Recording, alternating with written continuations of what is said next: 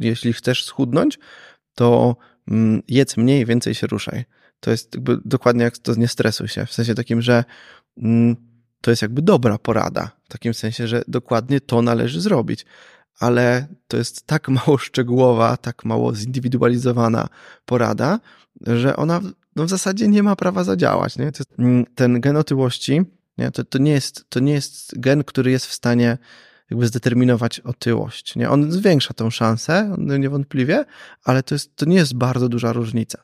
Kult nadmiernej szczupłości jest przyczyną problemów z nadmierną masą ciała. 80% naszej diety to powinny być produkty nisko przetworzone, zdrowe, właśnie taka czysta micha w takim stereotypowym ujęciu. Tak, to, co sobie wyobrażamy jako zdrową dietę. A 20% energii naszej diety zostawiamy sobie na Ktoś powiedział cheat meal, chociaż ja nie lubię tego określenia. No ale właśnie takie słodycze, fast foody, alkohol też, mm, inną żywność wysoko przetworzoną, która nie jest dla nas zdrowa i wiemy o tym, ale zostawiamy sobie taki wentyl bezpieczeństwa. Kto nie był w domu nagradzany słodyczami? Praktycznie wszyscy byliśmy, a jeszcze słodycze same w sobie są nagrodą, bo są po prostu bardzo smaczne. I prawdopodobieństwo, że to zupełnie odpuścimy, jest małe. Wiele mam takich historii osób, które, czy kobiet głównie, które mi mówiły, że ja bym chciała ważyć tyle, ile w pierwszym momencie, w którym zaczęłam się odchudzać. Nie? Podcast charyzmatyczny. Psychologia w codziennym życiu. Prowadzi psycholog Dawid Straszak.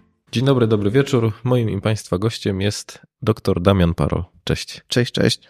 E, Damian jest dietetykiem, psychodietetykiem, instruktorem kulturystyki, ale chyba już się tym nie zajmujesz. Tak, nie zajmuję się tym od wielu lat. Gdzieś tam pracowałem na początku swojej kariery jako trener personalny, instruktor na siłowni, no ale teraz zajmuję się przede wszystkim dietetyką. Mhm. I mówisz, że zawodowo zajmujesz się udziałem w kłótniach internetowych, poradnictwem dietetycznym i prowadzeniem szkoleń i to jest odpowiednia kolejność tych, tak, tych rzeczy. Tak, to prawda. E, w Chciałem z Tobą porozmawiać z tego względu, że w momencie, kiedy zacząłem e, śledzić Twojego bloga czy, czy Twoją działalność, to dużo e, w Twoich wypowiedziach z jednej strony jest takiego naukowego podejścia, ale też, mm, ja bym powiedział, takiej e, życiowej mądrości związanej z takim pójściem środkiem, a nie skrajnościami.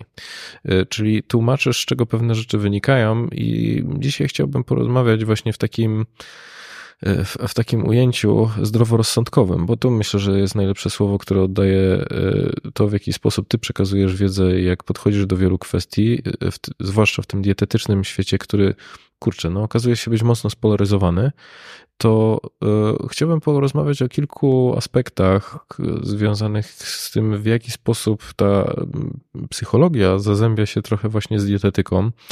I pierwszy temat, który jest na naszej liście, to efekt placebo e, w, w kontekście jedzenia, czyli o co chodzi z tym, że myślimy o tym, że shake, którego pijemy, jest e, dietetyczny, a o co chodzi z tym, że, że możemy myśleć, że on jest e, w pełni wysokotłuszczowy, wysoko, wysokocukrowy i jak to w ogóle wpływa na nas i na to, jak, jak nasz organizm na takiego e, szejka reaguje. Mhm.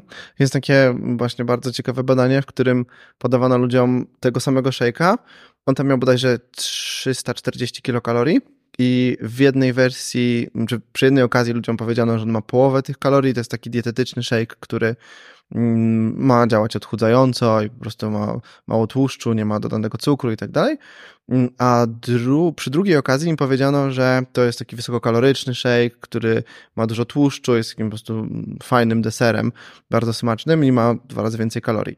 No i mm, mierzono tym ludziom e, stężenie greliny przed konsumpcją tego shake'a oraz po konsumpcji tego shake'a i okazywało się, że stężenie greliny, która jest hormonem głodu, który odpowiada za to, prostu chcemy jeść, wzrastało, jak ludzie oglądali samo opakowanie tego shake'a, który był wysokokaloryczny, a nie zmieniało się w przypadku tego dietetycznego shake'a i potem też stężenie greliny w większym stopniu opadało po spożyciu tego rzekomo wysokokalorycznego shake'a, czyli on by, by bardziej sycił.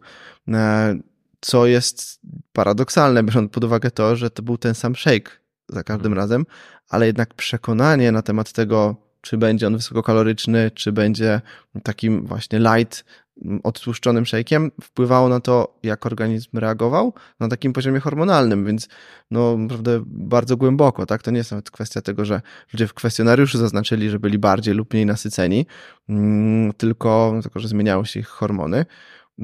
Mm, I to może działać moim zdaniem wiele razy w dietetyce, że na przykład ludzie przez to, że są przekonani, że są na diecie, to na przykład są bardziej głodni, nawet jeśli by to nie wynikało bezpośrednio z ilości kalorii, które spożywają.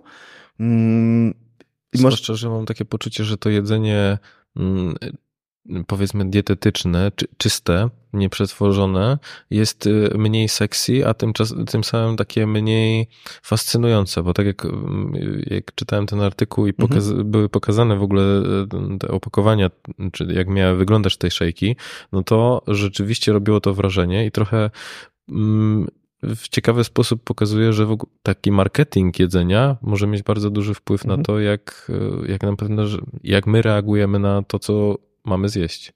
Tak, no i czy ten marketing w ogóle ma ogromne znaczenie. I tutaj w ogóle jest ciekawa kwestia mm, coli zero. Zobacz, że przecież była cola light, która była taką, mm, była obrędowana w taki sposób dla kobiet, tak? To było srebrne albo białe opakowanie. Tam była taka, z tego co pamiętam, taka zgrabna um, figura kobiety w postaci ikony i to miała być taka kola dla kobiet. A potem stworzono Kole Zero, która była taka męska, nie? że był czerwony napis, był czarne opakowanie i tak dalej. Teraz chyba już nie ma Coli Light, jeśli dobrze kojarzę, to ona po prostu została wyparta, nie? bo to jakby ten branding się bardziej sprawdził. Mm, ale wiesz, że no, trzeba było stworzyć kole zero, czy, czy kole light w tym, tamtym momencie dla mężczyzn. No i zresztą, że to samo jest przecież, nie wiem, z jogurtami proteinowymi, tak? Też są przecież te jogurty men, jakby to miało jakiekolwiek znaczenie, tak? No nie ma mhm. przecież znaczenia, że, mm, nie wiem, jest jogurt proteinowy dla kobiet i dla mężczyzn, on się czymkolwiek różni, nie? No to... No więcej białka jest w męskich pewnie, tak bym zakładał. Mm, jeśli tak jest, no to jest jakikolwiek tam racjonalny powód, dla którego tak to wy wygląda, ale wydaje mi się, że nie ma. Poza tym, no, nie oszukujmy się, że tu chodzi o marketing, a nie o zawartość białka. To nie jest tak, że taki będzie lepiej dostosowany do mężczyzn, a ten mm, dla kobiet będzie bardziej dostosowany dla, dla kobiet właśnie. Zresztą teraz mi przyszło do głowy, że mm, kiedyś producenci odżywek też szli w tą stronę. To na przykład były e, odżywki białkowe dla kobiet, nie? że one były tak właśnie kierowane do kobiet. Teraz to się, mam wrażenie, zmieniło, bo trochę te odżywki się upowszechniły i one są takim trochę bardziej mm, bardziej podstawowym produktem i już nie trzeba tego tak kierować, no ale kiedyś był nawet taki trend właśnie, że mm, były odżywki dla kobiet. No i ten branding no, ma ogromne znaczenie od takiej strony właśnie psychologicznej mm, i na pewno wpływa na to, jak reagujemy na jedzenie i jak i po co sięgamy, tak oczywiście. No, też pomyślałem o tym, że w, w kontekście golarek, czy golarki dla kobiet te jednorazowe są droższe niż dla mężczyzn. To nie wiem, czy zwróciłeś na to uwagę. Ale że... są dokładnie takie same, tylko że są różowe. No właśnie słyszałem o tym, mm, ale przyznam, że nie analizowałem tego nigdy. Też zastanawiałem się, czy one się czymś się różnią ewentualnie, no bo no, no. teraz nie mogłyby się czymś różnić, nie? No kolorem. I myślę, że to, to, to jedyna rzecz. Y, ten efekt y, placebo, bo tak możemy go nazwać, to znaczy, że wydaje nam się, że, że coś będzie miało większe, większe, no, że siłą psychiki sprawiamy, że e, i czy naszej percepcji sprawiamy, że ten wpływ na nas jest inny, silniejszy mhm. lub mniej silny, zależny od tego, co, e, co, na czym nam zależy. A e, pisałeś też o tym, że z jednej strony szejki, ale z drugiej strony doping wykazywał bardzo podobne mm, jakby zachowania. Tak, tak. Jest takie badanie, w którym um, uczestnicy byli w treningu bodajże 7 tygodni, a potem oszukano ich, że wchodzą na e, doping, to bodajże testosteron im rzekomo podawano e, i obserwowano ich progres na siłowni i ten progres na siłowni w tych czterech tygodniach, w którym rzekomo byli na dopingu, był ogromny. On był znacznie większy niż w tej pierwszej połowie, kiedy trenowali rzekomo bez dopingu, mm, co też wpływa na to, co wynika prawdopodobnie z tego, jak oni byli zaangażowani w ten trening. To znaczy, mm, tutaj raczej nie było tak, że sam, sama świadomość przyjęcia jakoś bardzo zmieniała fizjologię, chociaż też nie można tego wykluczyć, no bo jeśli chodzi o efekt placebo, to też są dowody na to, że potrafi to działać na takim poziomie fizjologicznym, mm, ale nawet to mogło wpływać na to po prostu, jak oni się na tym treningu zachowywali, także oni chcieli wykorzystać to, że, mm, że ten doping przyjęli.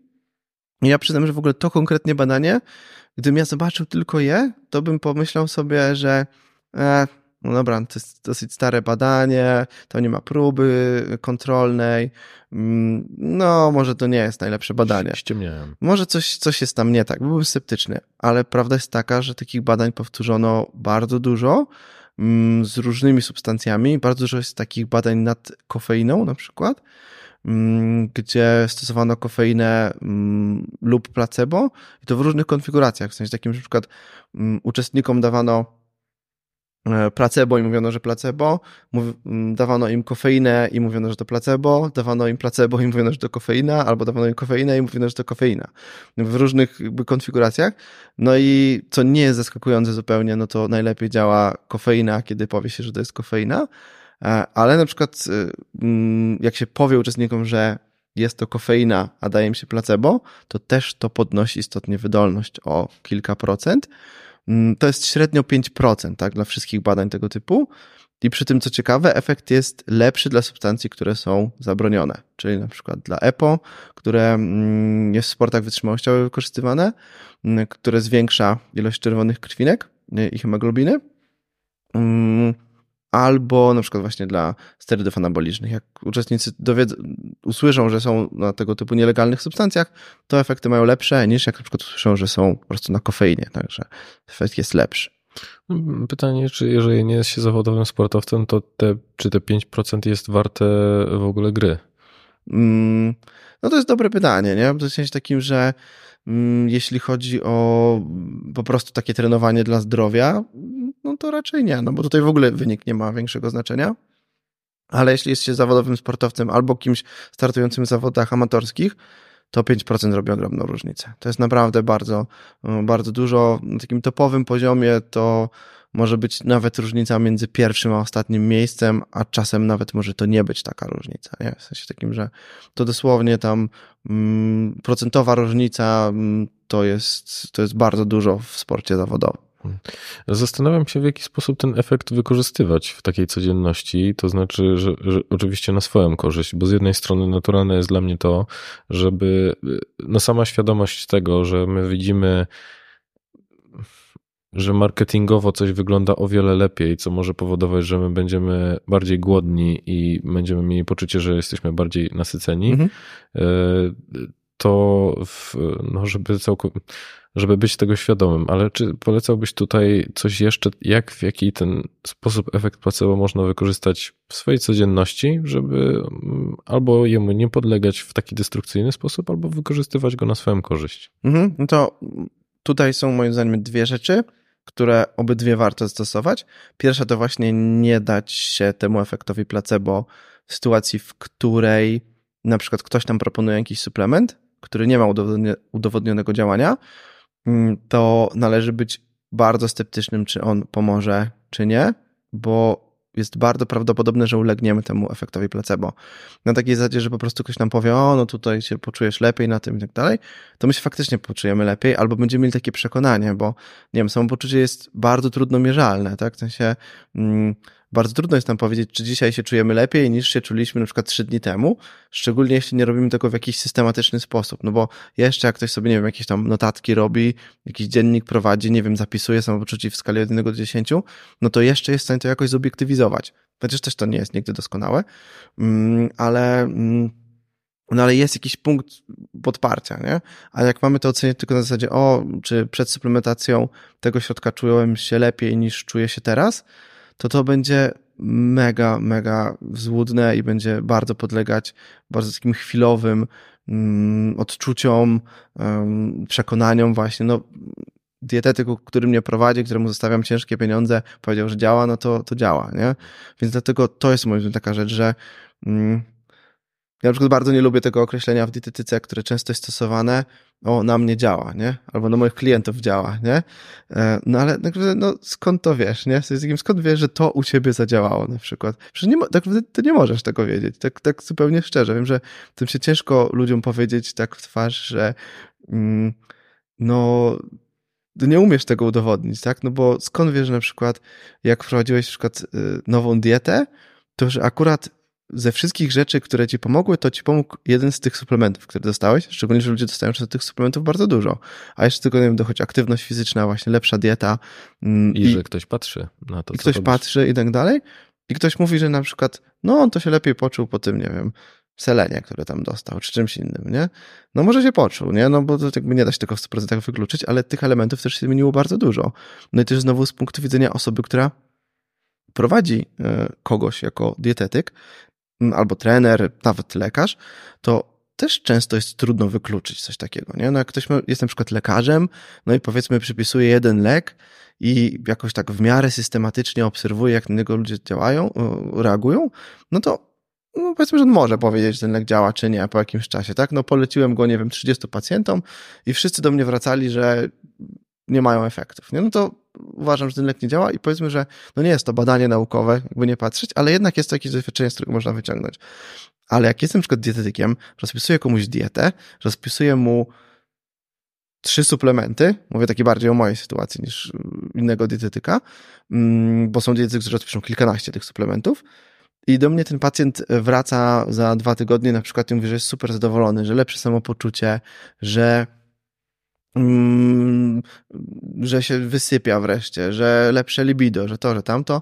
A ja mówię, no to dlatego, że pani brała ten, nie wiem, właśnie selens, no powiedzmy tak konkretnie. Zmieniło się kilkanaście rzeczy, przynajmniej, jak nie kilkadziesiąt, bo z diety to może być naprawdę kilkadziesiąt elementów, a to akurat to zadziałało. No, no nie wiadomo tego, tego nie da się ustalić, nawet jak ktoś ma ogromne doświadczenie w pracy, naprawdę wielu pacjentów, to nigdy nie będzie wiedział, czy akurat ten element zadziałał, o ile nie zmienia ich pojedynczo. A tego się w dietyce prawie nigdy nie robi, no bo no, mm, do mnie pacjent nie przyjdzie na przykład i ja mu powiem, no dobra, to teraz przez miesiąc obniżamy ilość węglowodanów w diecie na przykład, a w przyszłym miesiącu to zwiększymy ilość warzyw, mhm. a w kolejnym miesiącu to zwiększymy ilość białka.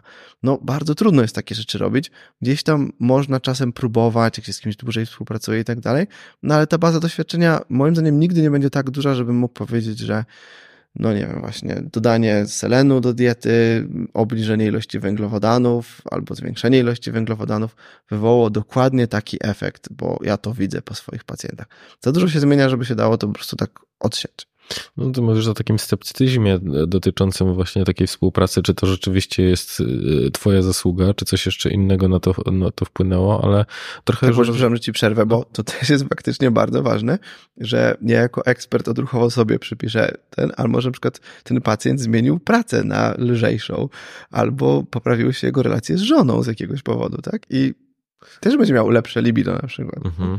No i właśnie to jest to, ten problem, w którym my wpadamy, że częściej lubimy sobie przepisywać y, sukcesy, a w momencie, kiedy też nie do końca zwracamy uwagę na te wszystkie rzeczy, które wydają się, wydarzają się wokół, no i z, z drugiej strony popatrz, że no tak jak mówisz, że może się zmienić tak dużo czynników, które mają wpływ na to, że po prostu czujemy się lepiej, ale trochę o tym rozmawialiśmy przed podcastem, że my trochę oczekujemy i łatwiej nam chyba jest zrozumieć albo przyjąć informację, że to ten selen, który jest magiczną pigułką, która zmienia moje życie, niżeli to, że zacząłem lepiej spać, więcej wody pić, zmieniłem dietę, zacząłem się ruszać i zmieniłem pracę. I to w sumie jakby te wszystkie czynniki wpłynęły na to, że ja funkcjonuję mhm. zupełnie inaczej.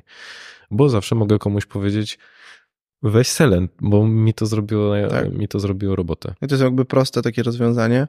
No i też na przykład dlatego ja mam takie podejście bardzo naukowe do dietetyki, że ja zanim coś wprowadzę, to przynajmniej w większości przypadków staram się, żeby to było potwierdzone naukowo albo przynajmniej racjonalne w jakiś sposób, tak? Nie na takiej zasadzie, że wprowadzam jakieś, nie wiem, losowe suplementy i potem im przypisuję działanie albo jakieś losowe interwencje w diecie, bo uważam, że ten obraz na temat rzeczywistości, który płynie z badań naukowych, jest znacznie dokładniejszy niż ten, który jesteśmy w stanie zgromadzić jako eksperci. Mm, I co nie zmienia faktu, że przykład wiedza ekspercka, czy taka właśnie doświadczenie z pracy z pacjentem, ono dużo wnosi, ale niekoniecznie w takich właśnie aspektach czysto interwencyjnych, jakby jaką procedurę zastosować, tak, co, jaką dietę zmienić. Mm, bardziej na przykład właśnie w kontakcie z klientem, tak, no to jest mega ważne, jakie ktoś ma doświadczenie, albo jak wprowadzać pewne rzeczy.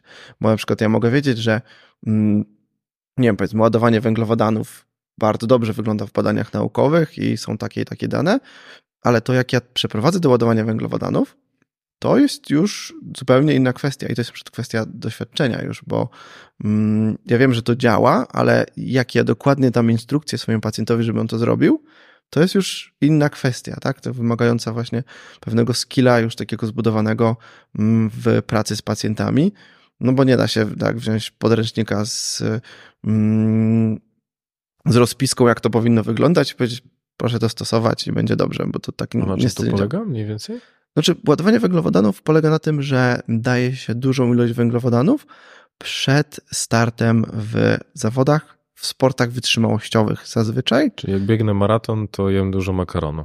Tak, bardzo upraszczając, tak ale to jest um, trudniejsze w praktyce niż się wydaje w teorii, bo e, przygotowanie diety, w której ktoś będzie w stanie zjeść tyle węglowodanów, okay. jest no, pewnym skillem, tak, którego, no, gdzie, i tutaj doświadczenie bardzo pomaga. Nie?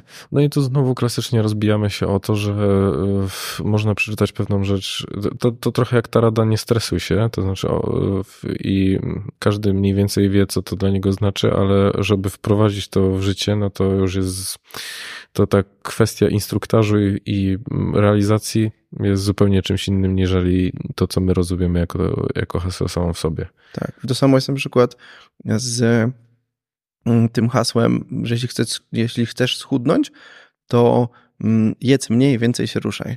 To jest dokładnie jak to nie stresuj się. W sensie takim, że mm, to jest jakby dobra porada. W takim sensie, że dokładnie to należy zrobić ale to jest tak mało szczegółowa, tak mało zindywidualizowana porada, że ona no w zasadzie nie ma prawa zadziałać. Nie? To jest tak jakbyś komuś, kto jest biedny, powiedział, no to staraj się więcej zarabiać niż wydawać. Nie? No, weź kredyt i zmień pracę. Chociaż to akurat nawet jest trochę lepsza porada, powiedzmy sobie, bo to, to jest, jest konkretne działania, jakie zostały zaproponowane. By zmień swoje życie, to by była taka ogólna porada. No, rzeczywiście yy, Dobra, to chciałem jeszcze porozmawiać o kwestii, kwestii związanej z tym, e, jeżeli już mamy osoby, które są powiedzmy, że bardziej zaawansowane, to znaczy, że trzymają mm, dietę, to ty mówisz o takiej zasadzie 80 e, na 20 w kontekście tego, co zrobić, żeby nie zwariować, trzymając się restrykcyjnie diety i żeby e, nie doprowadzić swojego ciała, a myślę, że też psychiki do ruiny. Mhm. To, tak, no, jak, nawet, to zrobić, jak to zrobić z głową? Tak, no bo nawet, wiesz co, nawet niekoniecznie ciała, w sensie takim, że mm, moim zdaniem, jeśli chodzi o tą zasadę 80-20, to ona nie jest dla ciała, ona jest dla psychiki, bo można byłoby być na diecie takiej w 100% czystej, e, w sensie takim cudzysłowie, też nie do końca lubię to określenie, bo ono nie jest precyzyjne, ale zaraz to mm, wyjaśnimy. No i naszemu ciału nic się nie stanie, nie? To ono będzie na tym funkcjonować, bo to jest no, nawet lepsze dla niego. Ale my potrzebujemy pewnego kompromisu między tym, co będzie tak super zdrowe, a między tym, co mm, po prostu nam będzie smakować i co będzie nam wygodnie użytkować. No i tutaj wchodzi ta zasada 80-20 mm, i to z grubsza jest o tym, że 80% naszej diety to powinny być produkty nisko przetworzone, zdrowe, i właśnie taka czysta micha w takim stereotypowym ujęciu. Tak, to, co sobie wyobrażamy jako zdrową dietę. A 20% energii naszej diety zostawiamy sobie na Ktoś powiedział cheat meal, chociaż ja nie lubię tego określenia, bo tutaj nikogo nie oszukujemy i to nie, nie jesteś w stanie oszukać metabolizmu czy czegoś takiego. Sami siebie możemy najwyżej oszukać. No ale właśnie takie słodycze, fast foody, alkohol też, mm, inną żywność wysoko przetworzoną, która nie jest dla nas zdrowa i wiemy o tym, ale zostawiamy sobie taki wentyl bezpieczeństwa mm, na zasadzie, że mm, ciężko jest być tak w 100% cały czas na czystej, takiej bardzo zdrowej diecie, szczególnie jak zaczynamy, bo też są osoby, które mogą przed czasem dojrzeć, że one w zasadzie są w stanie jeść tak super zdrowo i jakby nie czują potrzeby jedzenia fast foodów czy słodyczy i tak dalej. I to jest ok, ale jeśli ktoś do tej pory nie jadł najlepiej, a większość z nas ma jednak jakieś tam złe nawyki, tak? To czasem są słodycze, czasem to jest fast food, czasem są słodzone płatki na śniadanie, czasem słodzone napoje, różnie tak to bywa, ale często my na przykład nawet z domu wynosimy jakieś różne złe nawyki, mm, no to nagłe zmienienie tego o 180 stopni po prostu się nie sprawdza. No i tutaj szukamy takiego właśnie kompromisu, że chcemy poprawić tę dietę na te 80%, ale ten właśnie wentyl bezpieczeństwa zostawić. Czyli nie katować się w kontekście tego, że jeżeli czujemy, że chcemy zjeść batonik, to to jest ok. Tak. Mam wrażenie, że to są takie dwa, dwa różne podejścia i też może też wytłumaczę o co chodziło mi z doprowadzeniem mhm. do ruiny swojego organizmu, bo tak jak powiedziałeś, że ogólnie to to jest zdrowe, mhm. Y, czyli bardziej mm, będzie pozytywnie to wpływało, no ale w momencie, kiedy mam taką obawę, że takie restrykcyjnie przestrzeganie diet y, jest bardzo blisko zaburzeń odżywiania. Czyli w pewnym momencie to może się odbić e, rykoszetem e, i po prostu uderzyć w ten organizm koniec końców. Tak. Mm, jest coś takiego jak ortoreksja i to jest e, mm, zaburzenie odżywienia, które polega na tym, że je się po prostu super zdrowe rzeczy, tylko i wyłącznie. Mm, to się w jakiś sposób skaluje i też poziom, w którym mówimy o tym, że jest to patologia, no też jest w jakiś sposób umowny, tak, no bo jeśli na przykład ktoś je w 100% zdrową dietę, nie ma z tego powodu żadnego dyskomfortu psychicznego, czuje się z tym dobrze i funkcjonuje tym dobrze, jest w stanie to logistycznie zacząć mm, ogarnąć, no to przynajmniej w mojej opinii trudno to patologizować, tak? No po prostu ktoś ma nawyk bardzo zdrowego jedzenia, który oczywiście kosztuje go pewną pracę, ale to jest coś, z czego ta osoba jest zadowolona.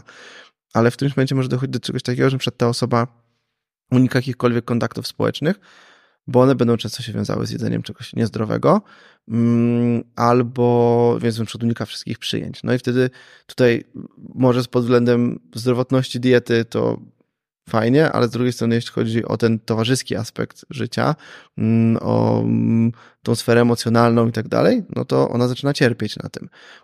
No i to nie jest, to nie jest zdrowe w takim bardzo ogólnym ujęciu tego, czym jest nasze zdrowie. Mhm. A czasem to może na przykład iść w taką stronę, że mm, taka osoba zaczyna unikać produktów, które nawet nie są niezdrowe, ale w jej przekonaniu są niezdrowe, co na przykład może zacząć doprowadzić do niedoborów. Mm, bo na przykład taka osoba zaczyna jeść dietę bezglutenową, do tego bezmleczną, do tego bez mięsa, mm, do tego bez jakichś przedokreślonych warzyw, albo tylko z określonymi warzywami ekologicznymi. I ta dieta na przykład zaczyna być już niedoborowa w którymś momencie. No i w tym momencie to już jest e, no, zaburzenie odżywienia, które się może odbijać nawet na takim zdrowiu fizycznym, nie tylko właśnie na takiej sferze funkcjonowania na przykład w społeczeństwie. Mhm. E, wiesz, nie jestem przekonany do tego w 100%, ale pamiętam, że na jednym z wykładów usłyszałem, e, że zaburzenia odżywiania są najbardziej śmiertelnym zaburzeniem natury psychicznej, które powodują najwięcej śmierci. Wiesz co, może tak być, bo na pewno jeśli chodzi o anoreksję, to ten współczynnik śmiertelności jest wysoki, z tego co pamiętam.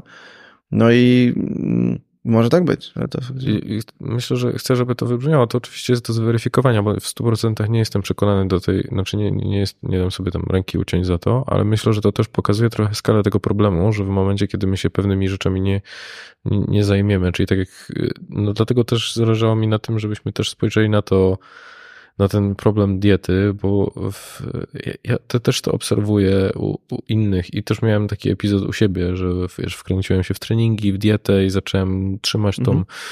tą czystą michę i rzeczywiście nie, nagle wpadałem w taką pułapkę, że ja sobie nie mogę pozwolić na cokolwiek, to znaczy, że wszystko musiało być rzeczywiście wyliczone, przeliczone i to z jednej strony ułatwia, no bo podejmujesz bardzo określone decyzje żywieniowe, a z drugiej drugiej strony strasznie utrudnia, no bo y, miałem takie poczucie, że jeżeli miałbym sobie pozwolić na cheat meala, czyli takie, no właśnie, na ten posiłek, który nie byłby w zgodzie z, z rozpina, rozpisaną dietą, hmm. to mogłoby się to zamienić w cheat day, czyli w cały dzień, który pozwoliłby na to, żeby, dobra, no to jakby tam te 6 dni hmm. siebie piłowałem albo dwa tygodnie, no to teraz, teraz mogę. Co domyślam się, że pewnie no, pod względem takiej kaloryczności się całkowicie rozjeżdża. Tak może być i właśnie temu też trochę służy ta zasada 80-20, żeby zostawić ten wentyl bezpieczeństwa, a nie żeby to było tak, że na przykład właśnie raz w tygodniu cheat meal kończy się na przykład cheat weekendem, bo tak się zdarza i to temu też trochę służy. Mm, I moim zdaniem problem takiego kompulsywnego obiadania się, on jest duży, w sensie takim, że szczególnie u osób, które redukują masę ciała, to mm, no pewnie lepiej wiesz niż ja, bo, bo tutaj to jest taka warstwa bardziej psychologiczna, ale jeśli chodzi o zaburzenia mm, odżywiania, to jest zawsze problem z definicją, jakby kiedy mówimy, że coś jest zaburzeniem odżywiania, a kiedy nie jest zaburzeniem odżywiania jeszcze. Mm, czy na przykład jeśli ktoś ma napad obiadania się na przykład raz w tygodniu, to czy to jest już zaburzenie odżywiania, czy nie? Mm, to też jest trochę definicja na przykład z tym, czym są zachowania kompensacyjne. Bo na przykład właśnie w bulimii, tak, to są ważne są te zachowania kompensacyjne i one często są tłumaczone jako na przykład no, te wymioty słynne, czy też nadmierna aktywność fizyczna w tej takiej bulimii sportowej.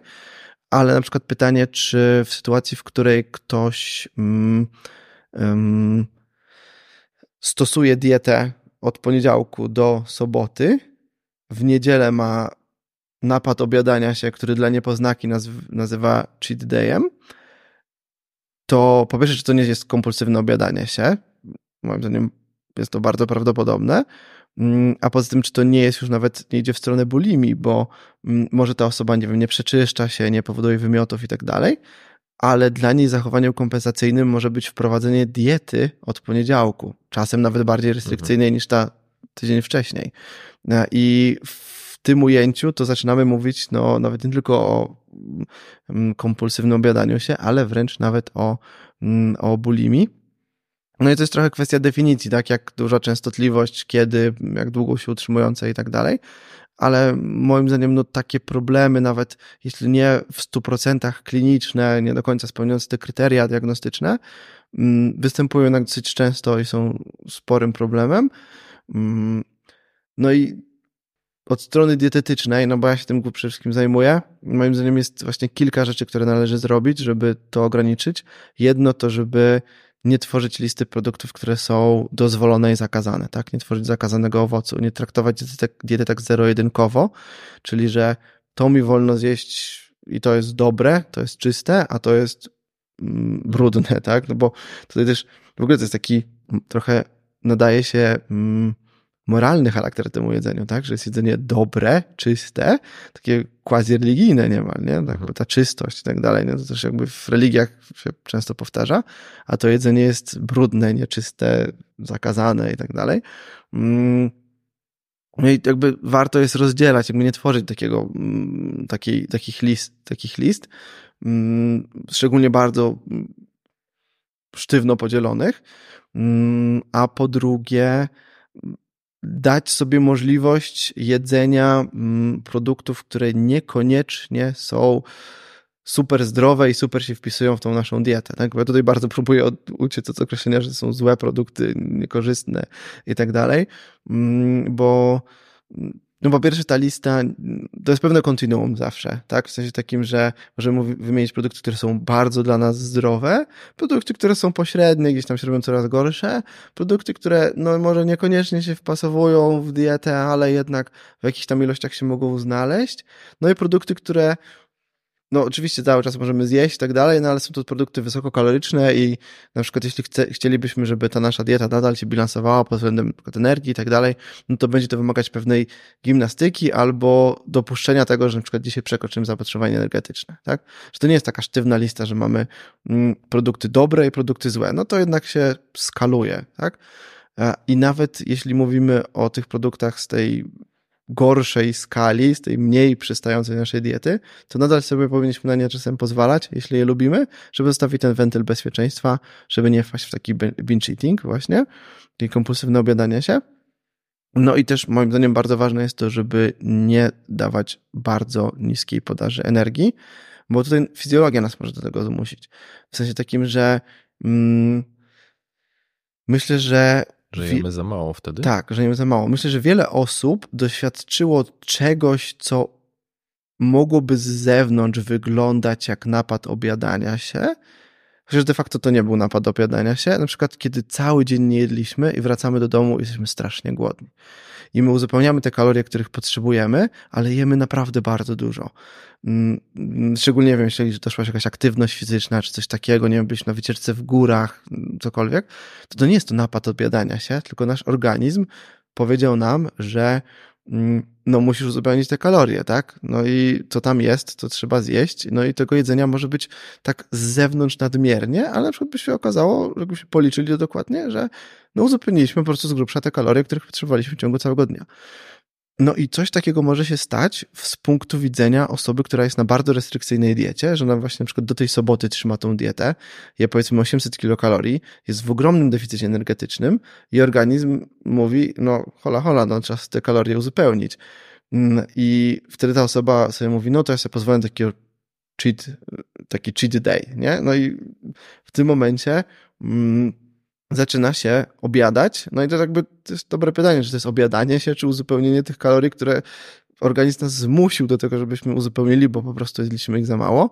No i chcemy takiej sytuacji uniknąć, tak? No bo ta fizjologia z tą psychologią się um, nakłada i jakby fizjologia nas zaczyna zmuszać do zachowań, które są w pewien sposób no niezdrowe tak psychologicznie, tak? No bo mamy taką wtedy mm, spiralę, że się głodzimy do tej soboty, potem jest taki napad obiadania się i potem znowu wchodzimy na kolejną dietę. Tak? Pomyślałem, że w kontekście tego, tej, tej zasady to pewnie pojawiłby się, tego 80-20, pojawiłby się zarzut związany z tym, że jak jest dobrze zbilansowana dieta, to ty nie masz ochoty na e, rzeczy słodkie czy tam wysoko przetworzone. I z drugiej strony, że myślę, że ludzie, którzy no, decydują się na wchodzenie, takie wchodzenie na ścieżkę dbania o swoje zdrowie, często obawiają się tych konsekwencji związanych z tym, że ten batonik w takim bardzo dużym opuszczeniu skraca mi życie. Więc ja wolę decydować się, żeby on był na tej liście rzeczy mhm. zakazanych, mhm. bo wtedy łatwiej mi się upilnować, bo pozornie znam te konsekwencje, do których on mnie miał miałoby mnie to doprowadzić, czyli trochę tak, jak że ten batonik jest jak papieros. Wiem, że jest zły, więc tego nie będę robić. Myślę, że tutaj jest jeszcze takie błędne założenie, że to jak zachowuje się teraz będę, będzie równe temu, że zachowuje się tak przez całe życie, mhm. przez resztę życia. E, ale wróćmy do tej kwestii, czy to właśnie nie jest tak, że jak się ma dobrze zbilansowaną dietę, to się jest zadowolonym z tego, jak, jak jest. Mhm. Zwłaszcza, że w kontekście y, diet ketogenicznych często o tym słyszę, że tam odchodzi y, ochota na to, żeby jeść y, słodkie rzeczy, czy właśnie wręcz takie przetworzone, i że czasami też słyszałem o tym, że posty przerywane mają taki wpływ, że, że na te słodkie y, rzeczy nie ma się tak bardzo ochoty. Mhm. To tak, mm, dobrze zbilansowana dieta, czyli właśnie na przykład odpowiedniej podaży energii, to tylko też mogą wejść takie rzeczy, że po prostu no, posiłki są smaczne, chociaż w ogóle smakowitość jedzenia to też jest taki bardzo duży temat, bo czasem jest tak, że nadmierna smakowitość nawet zdrowej diety nie jest dobra, ale to zostawmy to. To już za dużo. Tak, to już za dużo wątków. Mm, że w miarę smaczna, dobrze zbilansowana pod względem energetycznym dieta zmniejsza ryzyko, że będziemy mieli bardzo dużą ochotę na batonika, czy generalnie wysokokaloryczną żywność ale moim zdaniem jej nie eliminuje, bo dieta jest w stanie to zrobić tak powiedzmy takim właśnie poziomie fizjologicznym, tak, czyli nie doprowadzamy do bardzo dużego deficytu, który będzie nas skłaniał do jedzenia bardzo dużo. To już tak trudno powiedzieć, że to jest takie bardziej psychologiczne czy fizjologiczne, no ale jest na tyle smaczna, że nas tutaj w miarę satysfakcjonuje. Mhm. Mm, I, I tak, i ona, ryzyko będzie mniejsze, ale nadal mamy na przykład pewne przyzwyczajenia z domu, tak, które wynieśliśmy, że byliśmy nagradzani słodyczami, tak. Kto nie był w domu nagradzany słodyczami? Praktycznie wszyscy byliśmy, a jeszcze słodycze same w sobie są nagrodą, bo są po prostu bardzo smaczne. I prawdopodobieństwo, że to zupełnie odpuścimy, mm, to jest małe, nie? W sensie, że to jednak do nas wróci w którymś momencie bardzo często. I dlatego ja mam takie podejście, że wolę, żeby to się znalazło w małych ilościach zaplanowane mm, i poniekąd tak ujarzmione trochę, niż zostawić na takiej zasadzie nie, nie można i mm, no i w końcu przyjdzie okazja, że można i zwykle hamulce wtedy zupełnie puszczają. Nie? To, to mi się kojarzy, wiesz, moja, moja narzeczona pracuje jako psycholog dziecięca i ona często opowiadała, że jak pracowała w przedszkolach, to te dzieci wychowywane bez słodyczy były trochę tak spuszczane ze smyczy w momencie, kiedy, e, kiedy były jakieś sytuacje, nie wiem, czyjeś urodziny, czy mm. jakieś takie wydarzenia, to powodowało, że, że te dzieci tak kompulsywnie wręcz e, e, zjadały te słodycze, no bo nie miały w ogóle z tym wcześniej do czynienia, co trochę zadaje kłam temu, że czasami spotykałem się z takim stwierdzeniem, że jak się dziecka nie przyzwyczai do czekolady, to ona mu nie będzie smakować. Mhm. Znaczy, ja nie znam się na psychologii dziecięcej zupełnie, a z drugiej strony jest to w sumie taki problem żywy we mnie, na tej zasadzie, że też mam małe dziecko teraz i mm, no, staram mu się nie dawać słodyczy w ogóle, mhm. um, ale to, co wierzę, um, i to bardziej jako rodzic niż jako właśnie psycholog dziecięcy, tak, którym nie jestem, że czym później wdrukujesz dziecku, że słodycze to jest coś dobrego, tym mniejszy to będzie ślad w głowie, nie? że mniej, mniej to będzie, będzie to płycej wdrukowane, nie? I moje założenie jest takie, że ja nie chcę zabronić mojemu dziecku słodyczy, w sensie ono pójdzie na, na przyjęcie i zje normalnie tort z dziećmi i tak dalej, ale chciałbym, żeby nastąpiło to możliwie późno, po prostu. Mm, I nie robić tego zakazanego owocu, tylko po prostu tak jest, tak, słodycze są poniekąd do świętowania, no ale przed sam w domu mu nie daje tych słodyczy, bo myślę, że on by wtedy bardzo ich chciał i ja już teraz widzę, że on na przykład czai pewne rzeczy, tak, na taki, to jest ma niecałe dwa lata, ale on wie na przykład, gdzie są daktyle, nie? I na przykład jak już wie, że mm, dostał parę z daktyle, to już wie, gdzie są i to tak wie naprawdę od Czuję. dobrego roku. W sensie takim, że on dostał kiedyś daktyle i już wiedział, gdzie są, już się o nie upominał, że tam trzeba pójść po daktyle. Nie umiał się tego powiedzieć, nie? Teraz też umie powiedzieć nawet, ale mm, wtedy nie umiał powiedzieć, ale wiedział, gdzie są, pokazywał, że tam, że są daktyle, trzeba mu przynieść.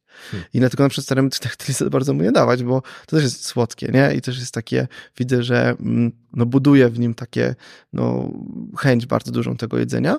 Mm, no i mam nadzieję, że właśnie no, słodycze, które są jeszcze bardziej smakowite niż daktyle, mm, będą, no później mu się w tą głowę wdrukują. I wydaje mi się, że na przykład jeśli chodzi o właśnie tych rodziców, którzy właśnie ograniczają słodycze dzieciom, to nie robią ten błąd, że właśnie zabraniają tych słodyczy. Że to jest kłopot. Że nie to, że nie dają ich, tylko że w którymś momencie to jest tylko po prostu ma powiedziane, że nie wolno tych słodyczy jeść. Nawet idziesz na przyjęcie jakieś, nie możesz tego zjeść. Inne dzieci jedzą, tego nie jesz. No i wtedy się pojawia to spuszczenie ze smyczy. Tak mi się wydaje, nie? No ale to wiesz. No to są takie nasze przemyślenia, więc myślę, że po prostu naturalnie ludzie nie będą traktować, traktować tego jako prawdę objawioną. Jestem ciekaw, czy w ogóle są jakieś badania na ten temat, bo to jest w sumie mhm. dosyć, mm, dosyć istotne. Badania na dzieciach są ciężkie. Bo tu z jednej strony zawsze musisz mieć zgodę rodziców, z drugiej strony no tak nie zawsze jesteś w stanie podpytać o wszystko mhm. to dziecko w taki racjonalny sposób. Także, no ale to ciekawe, nie? Jeżeli ktoś się z tym spotkał, to dajcie znać. Chociaż myślę, że niezależnie od tego, czy są badania, czy nie, to w kontekście y, podejścia do dzieci zawsze są zdania podzielone, więc na pewno w tym temacie pojawią się jakieś tak. komentarze. Tak, znaczy, no wiesz, no też na przykład uważam, że jeśli chodzi o dawanie słodyczy dzieciom, to ich się też nie powinno dawać z takich powodów czysto zdrowotnych. W sensie takim, że hmm. mm, no po prostu to nie jest zdrowe, żeby dziecko jadło dużo słodyczy i to jest też trochę co innego z dorosłą osobą, która jest w stanie to w jakiś sposób mm, skalibrować. Mm, w takim sensie, że no, ja sobie zjem tutaj kostkę czekolady. Każdy powstrzymać się. Tak, powstrzymać się, a dziecko tak nie ma. I też jest jedna bardzo ważna rzecz, mm, jeśli chodzi o dzieci, to, że generalnie nam zależy, żeby dzieci jadły możliwie dużo różnych rzeczy a jak dasz im, zaczniesz im dać słodycze, dawać słodycze, to jest bardzo prawdopodobne, że one najchętniej będą jadły te słodycze. I wtedy na przykład dawanie im jakichś owoców, warzyw, tego typu rzeczy, które zależy ci, żeby to dziecko poznało te smaki i potem mm, generalnie chętnie jadło, no to będzie to po prostu trudniejsze, nie? No i sam po prostu wpływ na zdrowie, nie? No jakby jak dziecko będzie jeść dużo tych słodyczy, no to, to, to też po prostu nie jest, nie jest zdrowe, a wbrew pozorom są dzieci, które przykład zaczynają chorować na cukrzycę typu drugiego. Nie? To jest mm, jakby, jakby tak kiedyś się określało, że jest cukrzyca młodzieńcza, czyli to jest cukrzyca, która jest głównie determinowana genetycznie, typu pierwszego, no i ty, taka mm, cukrzyca dorosła, cukrzycę typu drugiego, która zazwyczaj jest związana z otyłością, ale już są dzieci, które na przykład chorują na cukrzycę typu drugiego. Nie? I, mm, I upatrujesz tego w, w kontekście takiej podaży kalorycznej związanej ze słodyczami. Tak, przede wszystkim, znaczy generalnie wysokokalorycznej diety, tak, bo to nie są tylko słodycze, ale na przykład fast foody, generalnie ogólnie nadmierna ilość jedzenia, z czego by to nie było. No i oczywiście też mała aktywność fizyczna, nie? bo to też ma tutaj bardzo duże znaczenie. U dzieci ma aktywność fizyczną? Wiesz co, nie wiem jak to wygląda dokładnie. Zresztą, no wiesz, no, mówi się o tym, że dużo dzieci jest zwolnionych z WF i tak dalej. Okay. Ale to są też inne czasy teraz, że wiesz, no dajesz temu dziecku telefon i ono może siedzieć cały dzień w pokoju na telefonie. I wiesz, nie pójdzie na podwórku pochodzić, bo to wiesz, nie chodzi na przykład o to, że dziecko musi mieć regularne treningi, tak? I na siłownię chodzić, tak? Albo nawet, nie wiem, grać w piłkę. Tylko wiesz, no, nie wiem, ja pamiętam swoje dzieciństwo w ten sposób, że ja łaziłem po podwórku, tam coś robiłem, nie? Zbierałem ślimaki, wiesz, tam powiem się w piaskownicy i tak dalej. Teraz sobie wyobrażam, że dziecko możesz zamknąć w pokoju, dać mu telefon i ono się będzie bawić cały dzień, nie? I się będzie, mm, nie będzie ruszać po prostu, nie? No tak. Pokoju. Czyli wracamy trochę do tego, o czym, o, o, o, od czego zaczynaliśmy, czyli ta mm, podaż kaloryczna na przestrzeni całego dnia plus aktywność fizyczna, no bo ten bilans musi się w jakiś sposób zgadzać. Tak. No, trochę już poruszyliśmy ten temat związany z, z otyłością. On gdzieś padł kilka razy w, naszym, e, w naszej rozmowie. I myślę, że e, dosyć powszechnym modelem, może już coraz mniej, e, ale jest w, jako formę motywowania osób, które są otyłe do, do tego, żeby, żeby podjęły pracę nad sobą, jest ośmieszanie hmm. i mhm. takie negatywne motywowanie. Jak ty do tego podchodzisz mm, z perspektywy psychodietetycznej mhm. i w sumie też naukowej? Wiesz co, mm, są badania na ten temat nawet i one generalnie wskazują, że to przynosi skutek odwrotny od zamierzonego. Mm, robiono takie badania, gdzie to w eksperymencie, na przykład otyłym kobietom puszczano film i tych badań jest w ogóle kilka, ale to powiem o jednym, które tak zapamiętałem, że poda, puszczono im film, w którym był obraz dyskryminacji i w jednym przypadku to był obraz dyskryminacji osoby palącej, że tam ktoś do niej jakoś źle odniósł, coś takiego mhm. w pracy, mm, a w drugim przypadku był to obraz dyskryminacji osoby um, otyłej. I um, po tym um, nagraniu te, tym kobietom podawano Chyba MMSy po prostu, bo to często są MMSy, bo MMSy jest łatwo policzyć, nie? Mm, bo to właśnie daje, wiesz, taką możliwość liczenia tego, ile tego było. I mm, po obejrzeniu tego filmu z dyskryminacją osób otyłych, e, te kobiety zjadały więcej tych MMSów niż po tym wideo z dyskryminacją palaczy. Mm, I tak, reagowa, tak, reagowa, tak reagowały kobiety otyłe. Ale kobiety z normalną masą ciała nawet jadły mniej trochę. Więc mm, może tak być, że dyskryminacja osób otyłych w jakiś sposób działa prewencyjnie albo może korzystnie w kontekście osób, które mają normalną masę ciała, ale kosztem osób, które są otyłe. Tak więc y, mm, no to jest bardzo duży dylemat moralny. Ja myślę, że przyczyniało do tego, że nie powinno się takiego narzędzia używać w ten sposób. Mm, szczególnie, że ten efekt na osobach szczupłych też nie był jakiś bardzo duży, tak? To też nie jest tak, że, że, mm, że ten efekt był jakiś znowu wow, że, że warto to stosować. No ale na pewno nie warto stosować tego w tym kontekście, w którym to się próbuje stosować, czyli ośmieszania osób otyłych, bo widać, że to działa dokładnie odwrotnie na nich. Co prawda są takie historie, ale są bardziej anegdoty niż, mm, niż nie wiem, czy potwierdzają badania. Są osoby, które mówią, że kiedyś ktoś im powiedział, że tam są grubasem czy coś tam i oni się wzięli w garść i zrobili coś ze sobą i schudli. Mm, częściej są to mężczyźni, mam wrażenie, niż kobiety, ale myślę, że to jest y, mm, taki typowy przykład, gdzie mamy jednostkową reakcję osoby, która rzeczywiście tak zareagowała, która jest w takim jednym procencie i ona potem jakby przenosi to na wszystkich. Tak? W sensie takim, że powiedzmy, że jeśli mm, byś ośmieszał 100 osób otyłych, to powiedzmy, że 60% tych osób mm, zacznie przez to więcej jeść i ich sytuacja się pogorszy. Powiedzmy, że mm, tam, nie wiem, 35% no nie zrobi to nich większego wrażenia, tak? Po prostu nie zareaguje na to w jakiś sposób, a 5% rzeczywiście myśli, kurno, no, źle jest, nie? Biorę się za siebie, nie? I więc suma summarum, tak naprawdę nie jest to efekt, który byśmy chcieli osiągnąć, tak? No bo tak naprawdę pogarszamy sprawę, nawet jeśli są pojedyncze przypadki, które są takim kontrprzykładem. Mm, I to moim zdaniem się powinno brać pod uwagę.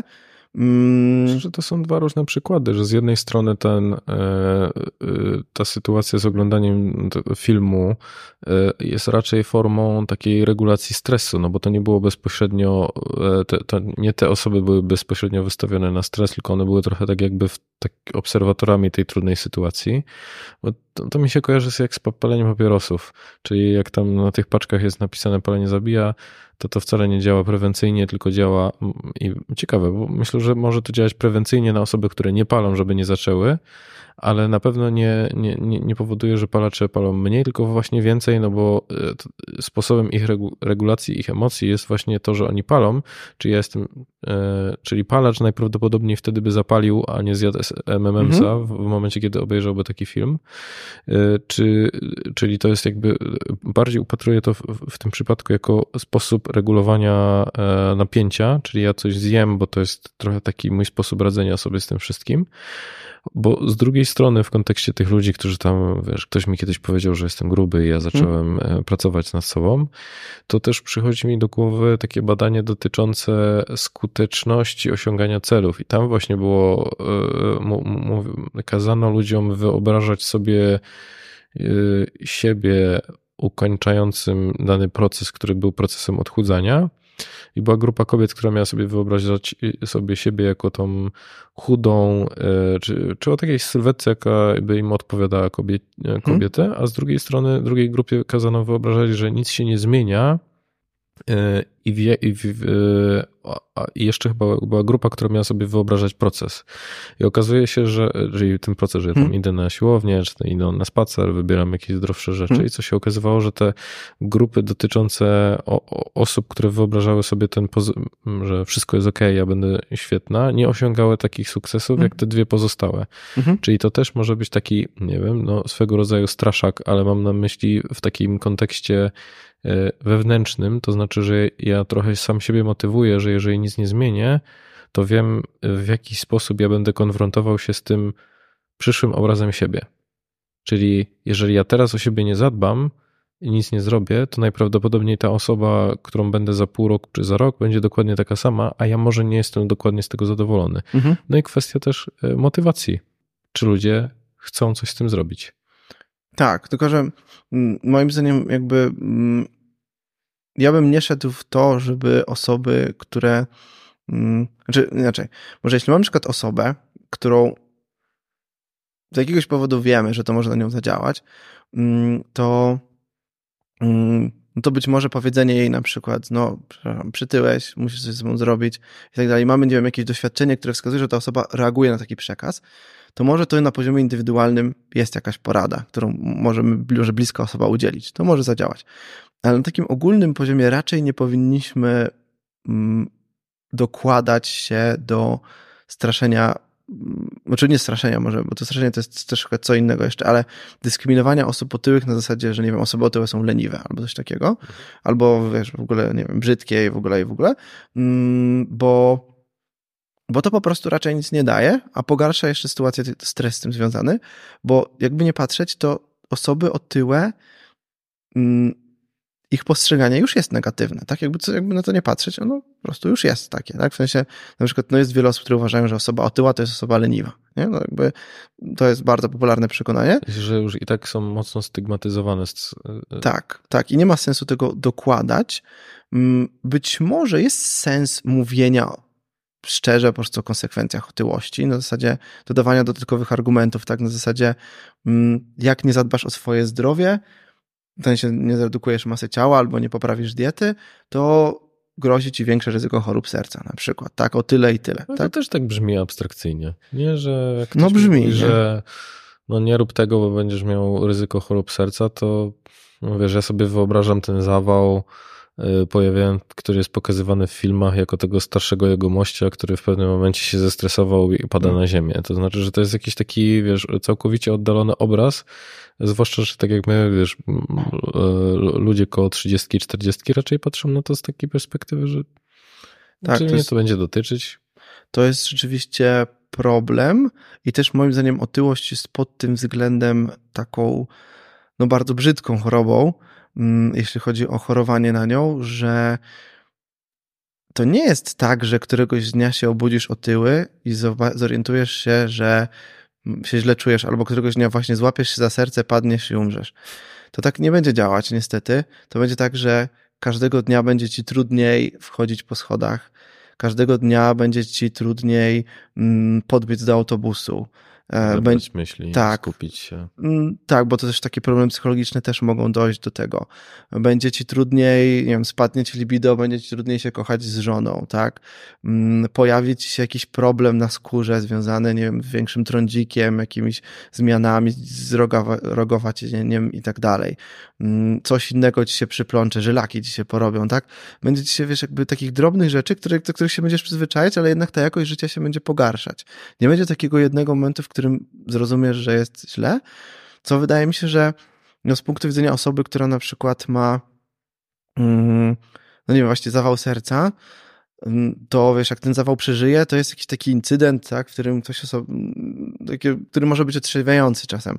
W otyłości nic takiego nie będzie, tak, nawet jak ktoś rozwija cukrzycę typu drugiego, która jest poważną chorobą i też dosyć znaczy będziesz w miarę gwałtownie postępuje, tak? No, w porównaniu do na przykład przyrostu masy ciała, no to znacznie dynamiczniejszy jest ten proces, chociaż on też jest rozłożony na lata mm, mm, i też to trwa. Też ten cukier będzie się trochę podwyższał, tak? Będzie coraz wyższy, coraz wyższy.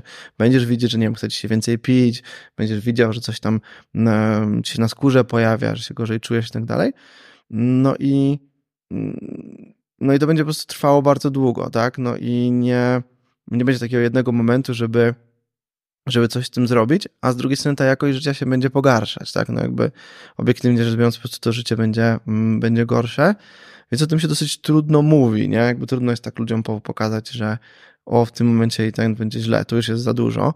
Mm, No ale to z drugiej jest strony taki- jakoś trzeba o tym opowiedzieć, tak? I trzeba mm, może właśnie pokazywać to, że ta jakość życia spada po prostu, tak? Bo, Bo to jest taki powolny proces, to jest to taka wolno gotująca się żaba, Tak. że to nie, a wiesz w ogóle, że żaba wyskoczy? No Wiem, że to jest śmieszne, że jakby, jakby ten syndrom się żaby to jest coś psychologicznie istniejącego, tak? Ale żaba wyskoczy, nie? Żaba jak rzucisz do wrzątku, to albo wyskoczy, albo umrze, nie? Bo jakby nie ma ten, a w, mm, jak, Jak ją zaczniesz gotować, to ona w którymś razie wyskoczy, nie? No, ja raczej, wiesz, to, to też się spotkałem z tym, że to nie jest prawda, ale myślę, że używając tego na, na, Jako metaforę, nie? jako Nie. metaforę, którą my dobrze rozumiemy, e, e, to, to, to jest adekwatne, że rzeczywiście ten proces postępuje i czasami nie ma takiego sygnału, no to tak jak mówisz, że to ta habituacja, czyli przyzwyczajanie się do tego, że te pewne rzeczy się zmieniają i to nie jest tak, że ja z dnia na dzień nie jestem w stanie podbiec, e, podbiec do tego auto, Mhm. autobusu i też trochę tak, że my tak introspektywnie nie zawsze jesteśmy w stanie przypomnieć sobie, jak było kiedyś. I Nawet sam o tym wspominałeś, że ciężko powiedzieć, który Mhm. suplement zadziałał, a co dopiero mówiąc o tym, że my mamy taką tendencję adaptacyjną do gorszych warunków, Mhm. czyli jest gorzej i ja się przyzwyczajam do tego, że jest gorzej i po prostu nie pamiętam jak tych czasów, kiedy, kiedy było lepiej. Tak. I myślę, że, ta, że- że tutaj pojawia się wiele czynników, y, y, ale chciałem też zapytać o jedną rzecz, bo no to ty pracujesz z ludźmi y, w takim dietetycznym aspekcie i domyślam się, że dużo osób przychodzi właśnie z tym problemem otyłości, i, y, z którym chciałoby pracować. I dlaczego oni chcą to zmieniać? Czy mm, pytasz ich o tą motywację? Co byłoby dla nich ważne, żeby, y, co, co jest po tej drugiej stronie? Mhm. Wiesz, teraz mi przyszło do głowy, że mm, to jest dosyć ciekawe pytanie i teraz zastanawiam się, czy nie powinienem o to pytać po prostu, bo może to faktycznie by zmieniało i łatwiej było rozmawiać z takimi ludźmi. Natomiast te ludzie często to mówią, nie? Mm, I są moim zdaniem dwa takie główne powody, dla których ludzie chcą zredukować masę ciała. Niestety, i mówię to jakby niestety często jest to kwestia wyglądu, czyli po prostu ludzie chcą lepiej wyglądać i to jest dla nich bardzo ważne. Mm, Nie, niestety? Niestety dlatego, że to mm, no jest najważniejsze nie? w tym wszystkim. Właśnie to samopoczucie, ryzyko chorób i tak dalej, to jest taka ważna rzecz, a jednak ten, ta kwestia estetyczna odgrywa moim zdaniem nadmierną rolę. Tak? Ja nie chcę powiedzieć, że ona w ogóle nie ma znaczenia, no bo wiadomo, no każdy chce dobrze wyglądać, też ma jakieś tam znaczenie, ale mm, chyba wolałbym, żeby częściej ludzie mówili, że chcą schudnąć, bo boją się chorób, tak? Albo chcą ich uniknąć. A, albo że... naukowa fantazja, tak. żeby chciałbyś, żeby... tak, tak. No to oczywiście to jest jakieś wyobrażenie mojego świata, który miał mhm. być idealny. E, a, I część ludzi, ale mniejsza, na przykład widzi, że im się wyniki badań pogorszyły, nie? I że to jest taki sygnał, że wiesz, że tutaj mm, no coś jest nie tak. No i to czasem jest taki sygnał, nie? Więc jakby, no o tyle dobrze, że wiesz, że jakby, że czasem ta informacja o właśnie gorszych wynikach badań jest w jakiś tam sposób otrzeźwiająca mm, i takie osoby się biorą za siebie. Tutaj też w ogóle taką trochę dygresję chciałem wrzucić, że mm, ostatnio też nad tym zastanawiałem, że nie zawsze na przykład musi być tak, że osoba, która mm, ma nadmierną masę ciała, nawet otyłość, że ona koniecznie musi schudnąć. W takim sensie, że to niekoniecznie to musi być celem. Celem czasem może być nawet utrzymanie masy ciała i generalna poprawa nawyków żywieniowych, bo jeśli chodzi o redukcję masy ciała, to ona jest trudna.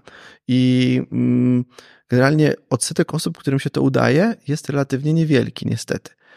Ale można byłoby tutaj postawić nacisk na właśnie utrzymanie tej masy ciała, nawet jeśli ona jest nadmierna, mm, przy poprawie nawyków żywieniowych, żeby nie pogarszać tej sytuacji. Bo niestety większość z nas tyje z czasem, tak? W sensie takim, że nawet jeśli ktoś nie dorabia się otyłości, czy nawet nadwagi, to większość ludzi, często jak zapytasz kogoś, mm, już nawet w naszym wieku, tak, no, jaka była twoja idealna masa ciała? No, tak jak w liceum ważyłem, nie? Bo w Afimslewu tam ważyłem, wiem, 5 czy 10 kg mniej, nie? Bo taka jest tendencja, tak, że ludzie po prostu tam najszczuplejsi są w wieku około 20 lat, tak, że są z grubsza dojrzali i tak dalej, no bo trudno mówić o dzieciństwie. Mm, no a potem systematycznie tyją, tak? No i tempo tego tycia jest różne. Czasem to jest tak, że osoba waży no te kilka kilogramów więcej w wieku 40 lat, a czasem waży 20-30 kilogramów więcej. Mm, I to generalnie raczej się nie zatrzymuje, niestety. Mm, więc na przykład, jeśli mamy osobę, która w wieku 40 lat zdaje sobie sprawę, że ma otyłość, to jej całkiem racjonalnym celem mogłoby być utrzymanie tej masy ciała, która jest, nawet godząc się, że jest masa ciała nadmierna. W sensie takim, no, dobra, jestem otyły, może nie jestem w stanie mm, tej masy zredukować i utrzymać zredukowanej, ale jestem w stanie utrzymać to na tym poziomie, jakim jest mm, i być za, nie wiem, 20-30 lat w lepszej sytuacji niż mm, przed mój rówieśnik, który co prawda będzie spróbował schudnąć, ale nigdy mu się to nie uda i ta masa ciała przyrośnie. Nie? Więc to też jest taki. Odwrócenie trochę tego. Te, tego tak, że utrzymanie statusu quo może być całkiem racjonalną strategią, w moim odczuciu. Je, jeszcze trochę w kontekście tego pytania o, e, o, o cel odchudzania, myślę, że to e, ja ci potem jeszcze podeślę hmm. takie pytania, które ja często stosuję w gabinecie, bo jeżeli ludzie pracują nad takim bardzo skonkretyzowanym celem i myślę, że w kontekście odchudzania hmm to, to się dobrze sprawdzi. Jest taka metoda y, motywacji błyskawicznej. Ona ma sześć pytań i ona mhm. była wykorzystywana w ogóle w terapii uzależnień, kiedy ludzie mieli mało czasu na na podjęcie decyzji, czy oni w ogóle chcą nad sobą pracować, czy nie, a potrzeba było takiego narzędzia, które byłoby możliwe do zastosowania tak, tak po prostu hardkorowo na, na mhm. korytarzu, że trzeba było pogadać z taką osobą, żeby ona podjęła decyzję, czy chce pracować, mhm. czy nie. I co ciekawe, e, e, ta, taka statystyka była nawet zaskakująca, że to zwiększało prawdopodobieństwo, czy zmniejszało porzucenia terapii o 55%. Mhm. No i wiadomo, że to jest w kontekst alkoholowy, który jest trochę inny od tego, e, z którym, nad którym ty pracujesz albo ja, ale z, z drugiej strony tam się pojawiają właśnie takie pytania, co chciałbyś zmienić, jak bardzo jesteś gotowy do tego, żeby, żeby to zmienić w kontekście tam od 1 do 10 i na przykład mhm. to jest fajne pytanie, że jeżeli ty byś powiedział, że 7, to kolejne pytanie, dlaczego nie mniej? Czyli mhm. tutaj od razu już pompujemy ten, e, ten zasób, jakby zwracamy uwagę na te zasoby, które ty posiadasz, żeby pokazać ci, jak bardzo ty już jesteś zmotywowany i, i co by sprawiło, że, e, no, że będziesz skutecznie to wykonywać. I jest bardzo fajne pytanie, to znaczy, że co by się miało zmienić w tym wszystkim, co ty, co ty zrobisz, czyli wyobraź sobie, że ta zmiana nastąpiła i kolejne pytanie, które mówi, to dlaczego te rzeczy, które wymieniłeś, wymieniłeś w ogóle i dlaczego one są dla ciebie ważne? Hmm. I to pozwala ludziom skonfrontować. I to jest bardzo proste ćwiczenie, to zajmuje, nie wiem, 5, maks 10 minut yy, yy, i to pozwala ludziom się skonfrontować z tym, co tak naprawdę jest dla nich ważne, bo oni często nie wiedzą i yy, trochę mam takie podejrzenie, że jeżeli oni mówią o tym wyglądzie, to że to może być nawet spełnienie potrzeb innych i oni nie do końca zdają sobie sprawę z tego, o co im tak właściwie chodzi. Mhm, tak, znaczy to jest w sumie mm, cenne bardzo spostrzeżenie, mm, że faktycznie to może być tak, że ludzie mówią tak, ale to jest właśnie realizacja potrzeb innych albo społeczeństwa, tak? Na zasadzie, że. Mam prośbę. Jeżeli mój podcast w jakikolwiek sposób Ci pomógł, to chciałem Cię prosić o przysługę. Jeżeli oglądasz go na YouTubie, to będę wdzięczny za subskrypcję, komentarz lub łapkę w górę. Jeżeli słuchasz na Spotify, to za ocenę podcastu lub obserwowanie. Dla ciebie to dosłownie chwila, a mi pomoże docierać do coraz większej grupy osób i być może trafić do kogoś, kto akurat tego materiału potrzebuje oraz prężniej rozwijać ten projekt.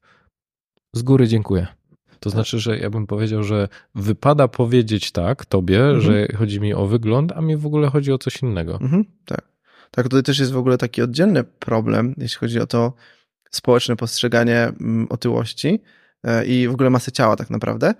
Mm, I to jest trochę paradoksalne.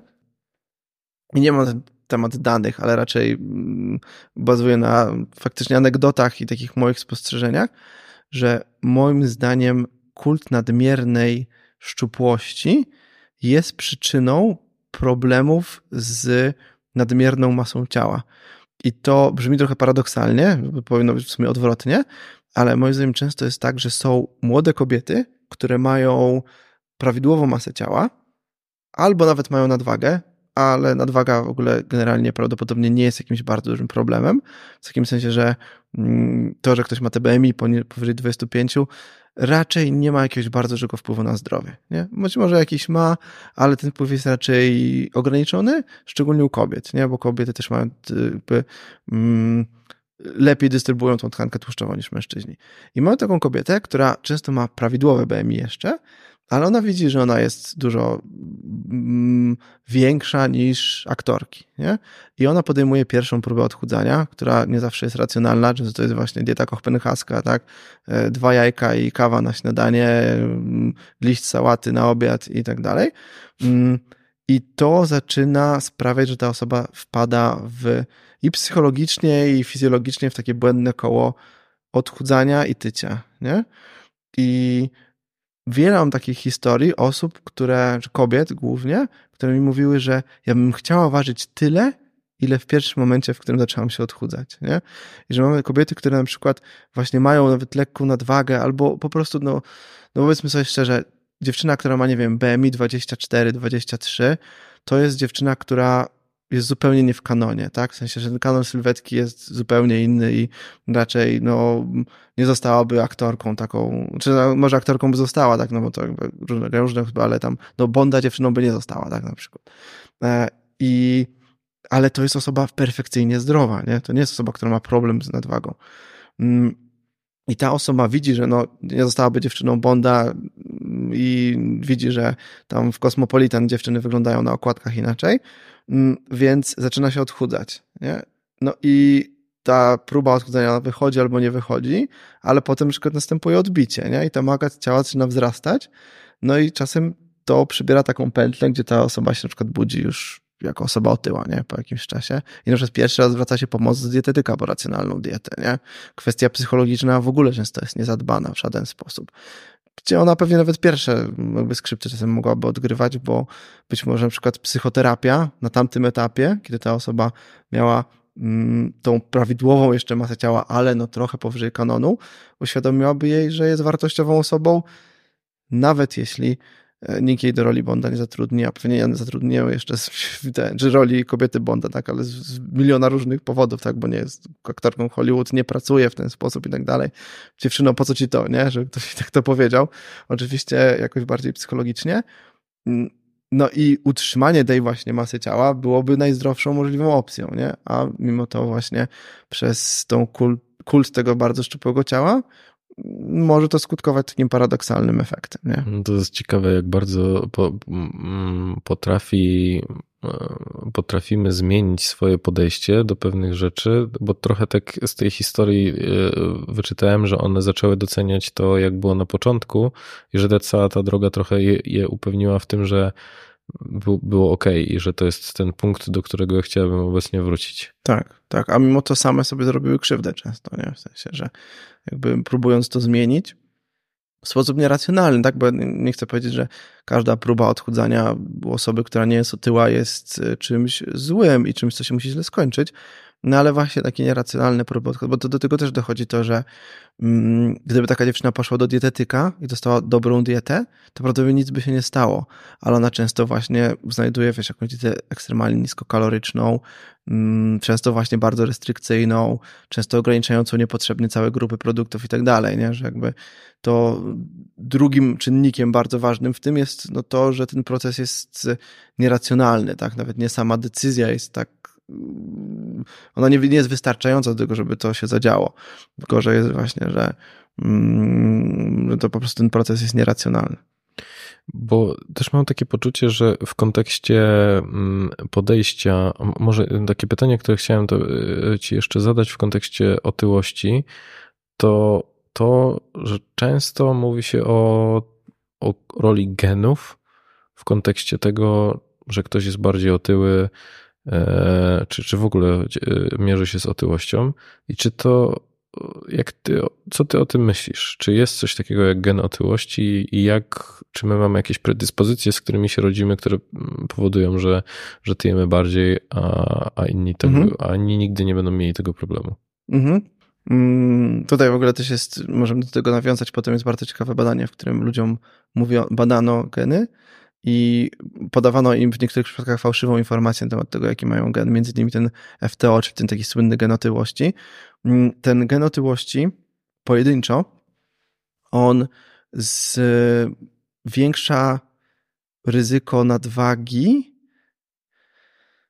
o bodajże kilkanaście procent, jeśli dobrze pamiętam, a średnio w ogóle w, o kilka kilogramów te osoby są cięższe. Nie? To, to, nie jest, to nie jest gen, który jest w stanie jakby zdeterminować otyłość. Nie? On zwiększa tą szansę, niewątpliwie, ale to, jest, to nie jest bardzo duża różnica.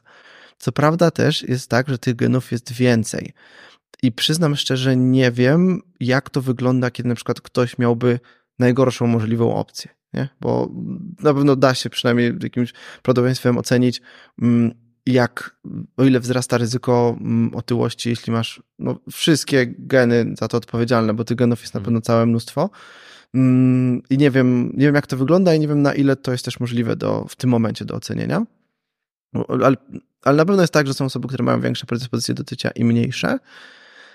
Ale jednak mimo wszystko środowisko, czyli to w jaki sposób jemy, jak się ruszamy i tak dalej, ma tutaj determinujący wpływ. Tak? W sensie takim, że mm, problem otyłości to jest ostatnie mniej więcej 50 lat, a jednak całą historię ludzkości osoby otyłe stanowiły margines społeczeństwa. Tak? Takie osoby się zdarzały, szczególnie osoby o wysokim statusie społecznym mm, mogły sobie na to pozwolić, a jednak cała mm, rzesza ludzi y, była szczupła, y, no bo nawet nie bardzo miała możliwość zjeść tak dużo jedzenia, żeby, żeby przytyć. Mm, I nawet później, kiedy tego jedzenia się zrobiło więcej, ale na przykład nie było to jedzenie wysoko przetworzone, tak super dostępne i tak dalej, to też ten problem otyłości nie istniał, tak? Mm, on właśnie mm, zaczął wzrastać w momencie, w którym naprawdę nauczyliśmy się w sposób taki przemysłowy przetwarzać żywność, tak? I tworzyć dużo ilości wysoko przetworzonej e, żywności. No i wtedy ten problem w zasadzie już od tego momentu narasta a geny się nie zmieniły w tym czasie, nie? No zmieniło się po prostu, po prostu środowisko, mm, ale trudno mi jest powiedzieć, jak to wygląda, mm, jakby mm, sam pojedynczy gen na pewno nie wytłumaczy tego, że ktoś jest otyły, także to, to jest za mały wpływ. Czyli... Pewien bardzo negatywny garnitur genów pewnie jest w stanie realnie to ryzyko zwiększyć, ale nadal uważam, że osoba, która miałaby bardzo dobre nawyki żywieniowe, to raczej nie doprowadzi się do otyłości. Nie? Może na przykład powiedzmy, że mm, mamy osobę, która ma bardzo dobre nawyki żywieniowe i powiedzmy taki umiarkowany garnitur genów, nie? No bo to też zawsze jest, to zawsze często jest spektrum, tak? Że są, warianty te takie najbardziej korzystne, są te warianty pośrednie i są te warianty niekorzystne. No i mamy taką osobę, która ma mm, ten taki umiarkowany garnitur genów i dobre, bardzo dobre nawyki żywieniowe. No ta osoba prawdopodobnie będzie całe życie miała prawidłową masę ciała. I mamy osobę, która ma takie same nawyki, ale niestety ma e, no, ten najgorszy możliwy scenariusz. No to prawdopodobnie taka osoba będzie miała nadwagę. Nie? Tak myślę, że to jest mniej więcej tak to się, tak to się rozkłada. Choć tutaj też oczywiście mm, częściowo mm, może być tak, że te geny wpływają na to, jakie mamy nawyki, nie? Bo są na przykład geny, które zwiększają ryzyko albo częstotliwość podjadania, nie? Że one odpowiadają za to, więc to też, też może mieć pewne znaczenie. Mm. No ale z drugiej strony na przykład są takie badania, w których, oczywiście są takie badania, w którym informowano ludzi, że mają, jaki mają właśnie wariant tego genu FTO, czyli tego odpowiedzialnego za otyłość. Jak poinformowano, że mają ten niekorzystny wariant, to w tym momencie te osoby były, jeśli dobrze pamiętam, mniej najedzone po posiłku, że jakby odczuwały to, niezależnie tego, jaki miały gen. I gen tak naprawdę miał to mniejszy wpływ niż przekonanie na ten temat. I zresztą w tym badaniu, bo tam to badanie miało dwa skrzydła, i w drugim mm, skrzydle mm, robiono tym osobom testy wydolnościowe i informowano ich o genie związanym z tolerancją wysiłku. I tak samo informacja o tym, jaki mają gen, miała większy wpływ na ich wydolność niż ten sam gen. I to jest moim zdaniem o tyle ważne, że mm, testy genetyczne mogą nas wrzucić właśnie w taką pułapkę, czyli na przykład dowiemy się, że mamy F, ten gen FTO, i na przykład to sobie powiemy, no dobra, to ja już w ogóle nie mam szans być szczupłą osobą, tak? No i w takim razie to już koniec, nie? I, i to doprowadzi do tycia. To jest, to jest zagrożenie z tym związane. Mm, z jednej strony, z drugiej strony to mogą być na przykład rzeczy, które są nieostre, tak w sensie, że nie dostaniemy wyniku badań, że o, mamy FTO czy coś takiego, ale na przykład mamy silne przekonanie, że mamy tendencję do tycia, bo na przykład cała nasza rodzina, powiedzmy, ma nadmierną masę ciała mm, i to będzie sprawiać, że będziemy tyli, bo na przykład podejmujemy inne decyzje żywieniowe, tak? No, jeśli jakby nie mam szansy wygrać, to po co mam się starać, tak? No, jakby mm, myślę, że nikt z nas y, nie, mm, nie wziąłby udziału w wyścigu, w którym by wiedział, że na pewno zajmie ostatnie miejsce, tak? Bo na pewno się nie starał, tak? W sensie takim, że, że tak, no jakbyś, że po prostu nie ma sensu się starać wtedy, tak? No I, mm, no i to może właśnie tym paradoksalnie doprowadzić do właśnie problemów z nadmierną masą ciała. Mm, I, I też to... trzeba na to uważać właśnie na te nasze przekonania, a tych przekonań jest sporo. Na przykład mm, często osoby z insulinopornością mają przekonanie, że one mają ogromny problem z schudnięciem, pomimo że nie ma dowodów, że tak to działa. Nie? W sensie takim, że insulinooporność no prawdopodobnie nie, u, nie ułatwia odchudzania, tak? Ale mm, i może w jakimś tam niewielkim stopniu utrudnia, mm, ale no, badania naukowe wskazują na przykład, że generalnie te osoby na dietach niskokalorycznych po prostu chudną i tyle, nie? Nie ma z tym jakiegoś dużego problemu. Ale wśród tych osób jest takie przekonanie. Mm, I ono jest bardzo powszechne. No i moim zdaniem to często doprowadza do tego, że te osoby rzeczywiście mają problem z, z rzuceniem tej nadmiernej masy ciała, bo mają po prostu takie silne przekonania na ten temat. Czyli popatrz, że wracamy trochę do, do tego, o czym mówiliśmy na samym początku, o tym efekcie placebo i nocebo, czyli że samo przekonanie co do tego, no, w jaki sposób ja będę podchodził do, e, znaczy, czy, czy ja w ogóle jestem w stanie schudnąć, czy jestem predysponowany po rodzicach do tego, żeby, żeby być otyłym, ma ogromny, większy wpływ niż to, czy rzeczywiście mamy takie predyspozycje. Czyli trochę tak jakbyśmy e, odpuszczali tę walkę w momencie, kiedy dostajemy informację, że no, e, panie Damianie, pan ma 50% szans mniej hmm. na odniesienie sukcesu życiowego, to zwiększy prawdopodobieństwo, że ty tego tak. nie będziesz podejmował tych wysiłków, żeby, żeby go osiągnąć. Tak. Czyli popatrz, że te kwestie przekonań są hiperistotne i ja mam też, to pytanie ma takie drugie dno, bo ja często spotykałem się z tym, że E, że padały te usprawiedliwienia, że e, no to może wynika z genów, a jednak są dietetycy, którzy mówią o tym, że okej, okay, dobra, tak naprawdę wszystko się rozbija o, o, o tą matematykę metabolizmu, czyli tego, ile ty zjesz kilokalorii w ciągu dnia i jak będzie intensywna ten wysiłek fizyczny, którego się podejmujesz i tego nie jesteś w stanie oszukać. Ty mówisz, że są osoby, które mogą mieć tendencję do tego, y, żeby, no, żeby te kilka dodatkowych kilogramów, ale nie kilkanaście y, mhm. miały, ale że tym, y, tym turbo, które powoduje, że, że, e, że to może się, że na, na, jest nałożenie tych dwóch czynników, czyli genów e, i środowiska, daje ten rezultat, z którym te osoby się mierzą. Że może być im trochę trudniej, ale nie ekstremalnie mhm. trudniej, Plus e, kwestie związane z tym, że w każdym miejscu e, mamy do, no jakby do dyspozycji dużo przetworzonego jedzenia. No i ostatnim elementem tej układanki jest kwestia tego, że co ja myślę o sobie, czy ja w ogóle jestem w stanie schudnąć, jeżeli myślę, że no jakby karty są rozdane, ja w sumie niezbyt dużo mam tutaj do powiedzenia, więc to trochę jakby działo się poza mną. Mówię o takim chyba podejściu, że, że ja nie wierzę w zmiany, i to też jest w ogóle bardzo ciekawe, bo e, czy, czy, ta, czy ta bezradność e, nie powoduje, że ludzie się poddają, nawet nie próbując? Tak, mi się tak wydaje, że tak jest. I też mm, takie przekonanie o własnej skuteczności też na pewno ma duże znaczenie. No bo jakby są osoby, które są przekonane, że im się wszystko uda, a są osoby, które są przekonane, że im się nic nie uda i często nie podejmują walki i nie zawsze to jest też oparte o, o racjonalne jakieś przesłanki, tak? Zazwyczaj nie jest. Często jest tak, że po prostu to jest jakiś tam sposób patrzenia na rzeczywistość, tak? Są takie osoby bardzo optymistyczne, tak? Które czasem nawet ponoszą porażkę za porażką, ale są z siebie zadowolone i są przekonane, że im się wszystko uda. E, a mm, są osoby, które nawet obiektywnie odnoszą sukcesy, ale są przekonane, że im nie pójdzie, nie? No i to też może mieć wpływ na to. Mm, myślę, że na przykład jeśli jest osoba, która na przykład, nie wiem, osiągnęła ileś sukcesów w życiu i teraz ma kolejną walkę do stoczenia w postaci mm, tego, że chce schudnąć i ona ma taką, tak patrzy na świat, tak, no bo to patrzenie jest tutaj kluczowe. No, udało mi się tak rozkręcić firmę, założyć rodzinę, zbudować dom, posadzić drzewo, nie wiem, coś jeszcze. Mm, I to schudnięcie to jest w ogóle nic w tym wszystkim i ja to dam radę zrobić, to ta osoba ma dużo lepszy punkt wyjścia niż osoba, która ma przekonanie na temat y, rzeczywistości, że jej się nic nigdy w życiu nie udało i to, to jest kolejna rzecz, która jej się nie uda. Nie? Mhm. Czyli to też takie kolejne przekonanie bardziej z tej sfery psychologicznej, czyli czy ja w ogóle wierzę w to, że mogłoby mi się udać osiągnąć ten cel. Tak. Antydepresanty, a, a zwiększanie masy ciała.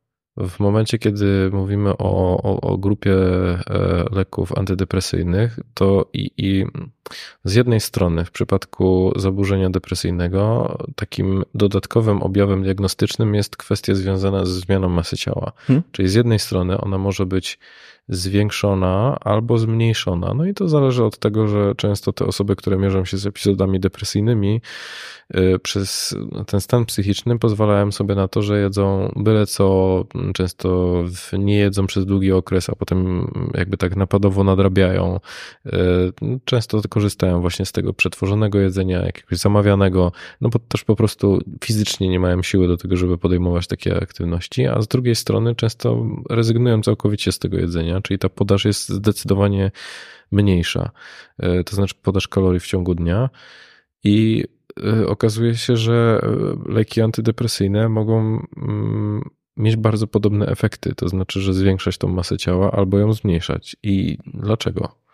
Wiesz co? Mm, to tak, faktycznie jest tak i to jest, to jest bardzo ważne, jeśli chodzi o te leki antydepresyjne, to to, że one mm, bardzo różnie działają i to niezależnie od swojej klasy. To znaczy, często się rozpatruje właśnie te leki w tych poszczególnych klasach, tak? Czy to są mm, SSRI, czy to są innego rodzaju i jakby tak interpretuje.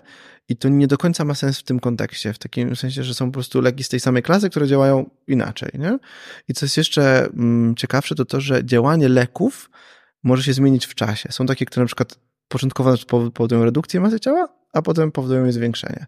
No niestety jakby jest to dosyć skomplikowane, ale rzeczywiście leki zwiększają tą masę ciała. Czy nie, są takie leki, które zwiększają, bo nie wszystkie, tak? No nie wszystkie zwiększają, ale niektóre tak. Mm, I głównie ten wpływ odbywa się poprzez wpływ na apetyt, w tym na przykład to, że jedzenie sprawia większą przyjemność, mm, więc się po prostu jego wie, je, je się tego więcej. Choć są też leki, które przynajmniej teoretycznie mogą na przykład zwiększyć tylko hipoglikemię, która może powodować właśnie mm, chęć jedzenia, no bo jak spada ci cukier we krwi, to się robisz głodny. Mm, I są też leki, które mogą nawet zwiększać rozrost tkanki tłuszczowej, czyli mogą sprawiać, że y, po prostu mm, tkanka tłuszczowa to taki, taki sygnał, żeby się rozrastać, co też może to sprzyjać. To jest możliwe? Tak, Nie to jest możliwe na takim zasadzie, bo to są... Mm, to jest proces związany z noradrenaliną, ale nie wytłumaczyć go teraz. Ale okay, jest, jakby no. jest, to, jest, to, jest to możliwe. Nie? Bo, e, żebyśmy też mieli jasność, bo mówimy o takiej sytuacji, kiedy ta, e, my jemy tyle samo, mhm. ty jemy. Wiesz co, mm, tak raczej się nie stanie, albo będzie się działo w niewielkim stopniu, mhm. Mm, bo to jest jakby trochę zahaczyłeś o ten bilans energetyczny i jakby mm, bilans energetyczny jest czymś, co jest dosyć trudno wytłumaczyć i i tutaj to jest trochę tak jak, odejdę trochę od tematu, ale Ostatnio słuchałem podcastu z profesorem Draganem i on opowiadał o tym, że jak się uczy fizyki, to najpierw trzeba ludzi oszukać, że oni coś wiedzą, e, żeby utłumaczyć coś na taki bardzo uproszczony sposób, potem doszczegółowić. I trochę tak jest, jeżeli na przykład właśnie uczą na pierwszym roku tego i tego w fizyce, a na drugim roku mówią im, że to nie jest prawda, co się uczyliście, teraz nauczymy was dobrze. No ale ta wiedza z pierwszego roku jest niezbędna. I trochę tak jest z bilansem energetycznym, w sensie takim, że za pierwszym razem to się tłumaczy na takiej zasadzie, że to jest taka w zasadzie stała liczba, która wiesz, tutaj nie ma tego, mm, nie ma żadnego obejścia, nie da się tego w żaden sposób oszukać i tak dalej. Za każdym jakby to jest czysta matematyka, czyste równanie. Ale jak się tak spojrzy na to realnie, to w tym równaniu jest parę takich zmiennych, mm, które, bo to jest nadal cały czas równanie, tak? Tego się nie da oszukać. Ale jest parę tak, takich mm, zaskakujących zmiennych, na przykład zdolność do rozprężania energii w postaci ciepła. Na przykład mm, są osoby, które mają większą zdolność do tego, żeby rozproszyć energię w postaci ciepła. E, zwykle, e, czy zazwyczaj się tutaj wspomina o tej brunatnej tkance tłuszczowej. To jest też powód, dla którego morsowanie jest takie popularne, że ludzie wierzą, że są w stanie w ten sposób zwiększyć ilość brunatnej tkanki tłuszczowej, która będzie rozpręgać im energię. Ja nie wiem, czy to jest możliwe. Znaczy od razu mówię, że to jest jakby hipoteza, która za tym stoi. Wydaje mi się, że nigdy nie wykazano, że tak to działa. Jakby teoretycznie tak może być, ale chyba nie ma dowodu na to, że tak to rzeczywiście działa. No, ale nie zmienia to faktu, że rzeczywiście część ludzi będzie miała tu taką zdolność większą do rozprzęgania energii w postaci mm, ciepła, no co daje ci korzyść w takim sensie, że mm, no zużywasz więcej kalorii po prostu na ogrzanie organizmu, a mniej na pracę, jakkolwiek rozumianą. Mm, też na przykład y, osoby, które mm, są wytrenowane i też pewnie jest tak, że osoby, które mają predyspozycje do treningów wytrzymałościowych, to mają mniejszą zdolność do rozprzęgania tej energii w postaci ciepła, czyli więcej energii wykonują, wykorzystują na pracę i na przykład dzięki temu się też mniej przegrzewają tak, w czasie wysiłku, no ale też ta praca jest bardziej efektywna, nie? że na przykład zużywając tyle samo kalorii, mm, przebiegną większy dystans nie? i dzięki temu mm, no, po prostu są lepszymi sportowcami. Więc tutaj są pewne takie niuanse. Mm, też na przykład taką rzeczą, którą warto wziąć pod uwagę, to to, że może być tak, że na przykład w związku z tym, że masz większą tendencję do rozrostu tkanki tłuszczowej, na przykład mniej energii kumulujesz w postaci glikogenów w mięśniach, albo na przykład jest mniejsza tendencja do rozwoju masy mięśniowej, a większa do rozwoju tkanki tłuszczowej. I teoretycznie bilans energetyczny jest taki sam, ale mm, skład tego ciała jest nieco inny. Nie? To nie są rzeczy, które jakby wywracają stolik zupełnie i to wiesz, zmienia ci o 180 stopni i na przykład mm, jest tak, że nie wiem, powiedzmy, mamy osobę, która je 1800 kalorii i jedna na tym przytyje i będzie osobą otyłą, a druga będzie na tym chudnąć przy takich samych pozostałych, powiedzmy, parametrach. Tak nie działa. To znowu będą raczej różnice, wiesz, tych 3-4 kg, kilkunastu procent w jedną, w drugą. No ale jednak to się może trochę zmienić. Mm, no i na przykład jeśli lek powoduje, że jest większa tendencja do rozrostu tkanki tłuszczowej, no to może być tak, że ta tkanka po prostu będzie wyłapywać więcej energii, zamiast na przykład będzie ją wyłapywać mm, tkanka mięśniowa. Nie? I to może spowodować, że ta tendencja do tycia będzie nieco większa. Nie? Nadal bilans energetyczny to jest kluczowy, nadal to będzie raczej te wiesz 5, 10, może 15% różnicy, ale będzie. Nie? Dobra. Okej. Okay. Dziękuję. No, teraz teraz tak. to jest dla mnie też, jasne. Też to, co jest bardzo ważne i to może mieć znaczenie, jeśli chodzi o leki, to to, że na przykład leki mogą ci zmieniać tendencję do spontanicznej aktywności fizycznej. Czyli na przykład mm, to, że ktoś będzie miał taki mm, bardziej osiadły się zrobi na przykład. Mhm, że nie będzie mu się chciało. Tak, że nie będzie mu się chciało, albo będzie siedział spokojniej, nie? No w sensie takim, że, mm, że na przykład, no nie wiem, wyobrażam sobie, że mamy osobę, która jest bardzo nerwowa, jest pobudzona, chodzi tak jak lew w klatce, tak, z jedną, drugą, w jedną, w drugą, dostaje leki jakieś uspokajające i siada, nie? I skupia się na pracy, pracuje, super funkcjonuje, no ale i wydatek energetyczny się zmniejszył, nie? Prawdopodobnie, dzięki temu. Mm, I, I, na tej zasadzie na przykład leki przeciwdepresyjne sądzę, że też mogą tak zadziałać. Jakby nie znam się tak dobrze na depresji i tak dalej, nie wiem, czy jest możliwe, że to była bardziej paradoksalnie pobudzona w jakichś momentach albo że, czy takie typy rzeczy zastępują, no ale jeśli się zmieni ta aktywność fizyczna, no to też się może zmienić masa ciała przy takich samych kaloriach. Nie? Choć główny będzie raczej jakby wracając ten wpływ na apetyt, nie? że ten apetyt będzie miał tutaj kluczowe znaczenie. Dobra. I, no i tak w sumie rada dla osób, które obserwują to u siebie, jeżeli korzystają z farmakoterapii, że y, domyślam się, że to może wiązać się z taką obawą, że ja całkowicie przestaję brać leki, więc nie róbcie tego. Lepiej pogadać z lekarzem psychiatrą e, i wytłumaczyć mu o co chodzi, i on najprawdopodobniej e, zaproponuje inną formę leczenia, ale e, chyba jedną z gorszych decyzji jest po prostu odstawienie leków od tak, bez konsultacji. Tak, tak, z całą pewnością i zresztą jest to dosyć ważny powód odstawienia leków. W sensie, że ludzie odstawiają leki z tego powodu często, że właśnie widzą ten przyrost masy ciała. Mm, no co oczywiście bardzo złe, tym bardziej, że te leki naprawdę są różne i może być tak, że dostaliśmy w pierwszym rzucie lek, który rzeczywiście ten przyrost masy ciała mm, spowodował, ale na przykład dostępne są leki, które nie spowodują tych zmian w masie ciała, a lub nawet ją zmniejszą. Więc jakby warto po prostu skorzystać wtedy z innej metody. Nie warto tym z lekarzem porozmawiać. Mhm. To nie jest tak, że po prostu no, jak dostajemy leki antydepresyjne, to już jesteśmy na to skazani, bo tych opcji jest wiele.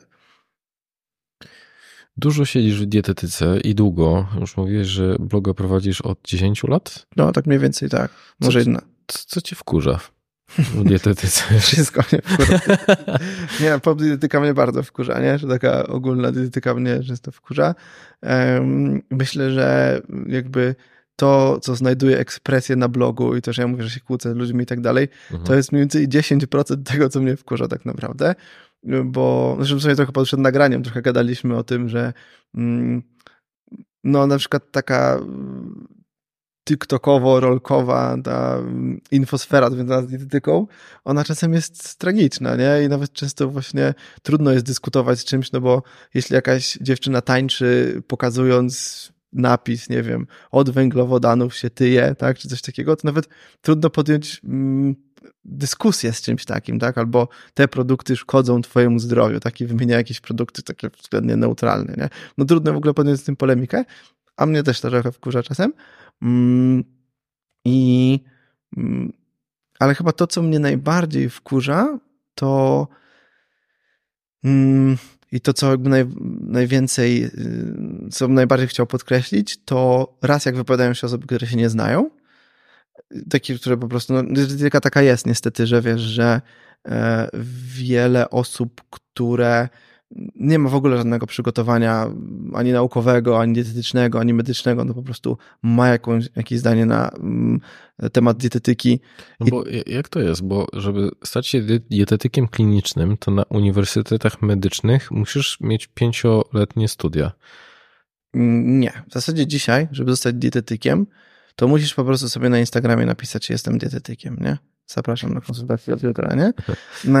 Tak musisz zrobić. Jakby nie jest to w żaden sposób regulowane prawnie. Były projekty ustawy, ale one nie przeszły. Nie przeszły w dużej mierze ze względu na opór środowiska, który wynikał z tego, że mm, te przepisy po prostu były bardzo niekorzystnie dla nas sformułowane i nie chroniły tego za bardzo. Nie? W sensie teoretycznie jakby na, nazwa mm, dietetyk była chroniona, ale nie było przez żadnego organu, który by to egzekwował. Nie, nie było żadnej możliwości. Jakby ktoś sobie napisał właśnie na Instagramie, że jest dietetykiem, to. mm, Nie było policji dietetycznej. nie było żadnej policji. Znaczy, teoretycznie właśnie normalna policja by do tego służyła, mm, ale raczej efektywność takich działań byłaby bardzo niska, więc nie było żadnego organu, który mógłby za to odpowiadać. No i, ale zresztą to nie był jedyny, jedyny problem, więc nie jest to regulowane obecnie. Wystarczy to po prostu powiedzieć, że jest dietetykiem. Wystarczy, żeby tak jakby powiedzmy mm, w takim moralnym sensie móc się nazwać dietetykiem, no to trzeba skończyć trzyletnie studia. Mm, Albo na mm, Uniwersytecie Medycznym, e, albo na Uniwersytecie Przyrodniczym, albo nawet na Uniwersytecie Rolniczym. Nie? Bo jakby są. Nawet jest tak, że są osoby, które w naszej branży kończyły. Właściwie chyba to jest, bo to jest Uniwersytet Ro- Przyrodniczy chyba w tym momencie, SGGW Tak. ale na przykład niektóre wydziały nadają tytuł doktora nauk rolniczych. Nie? I na przykład są osoby z doktoratami, które e, mają mm, tytuł doktora nauk rolniczych. nie? Ale to dalej jest e, dietetyka skoncentrowana na ludziach. Tak, to jest dietetyka skoncentrowana na ludziach, tylko to po prostu tak trochę głupio brzmi, nie? że po prostu jakby wydział nadaje taki tytuł. I tak po prostu nawiązuje do tego, że właśnie uniwersytety rolnicze też e, prowadzą dietetyków. Znaczy, I- pozornie głupio, no bo jeżeli tak na to spojrzeć, to jednak e, rolnictwo ma, jest trochę tym fundamentem dietetyki. W pewnym sensie tak, szczególnie tak historycznie, bo na przykład na SGGW, które uważam, że ma jedną z wiodących dietetyk w Polsce, jest, chociaż ja jestem sam po SGGW, no tam konflikt interesów może, ale uważam, że jest dobra dietetyka, e, to tam wyrósł, e, dietetyka wyrosła właśnie z Wydziału Rolniczego, nie? I stąd właśnie ten na przykład tytuł e, doktora nauk rolniczych, który można utrzymać kończąc tą, ten wydział.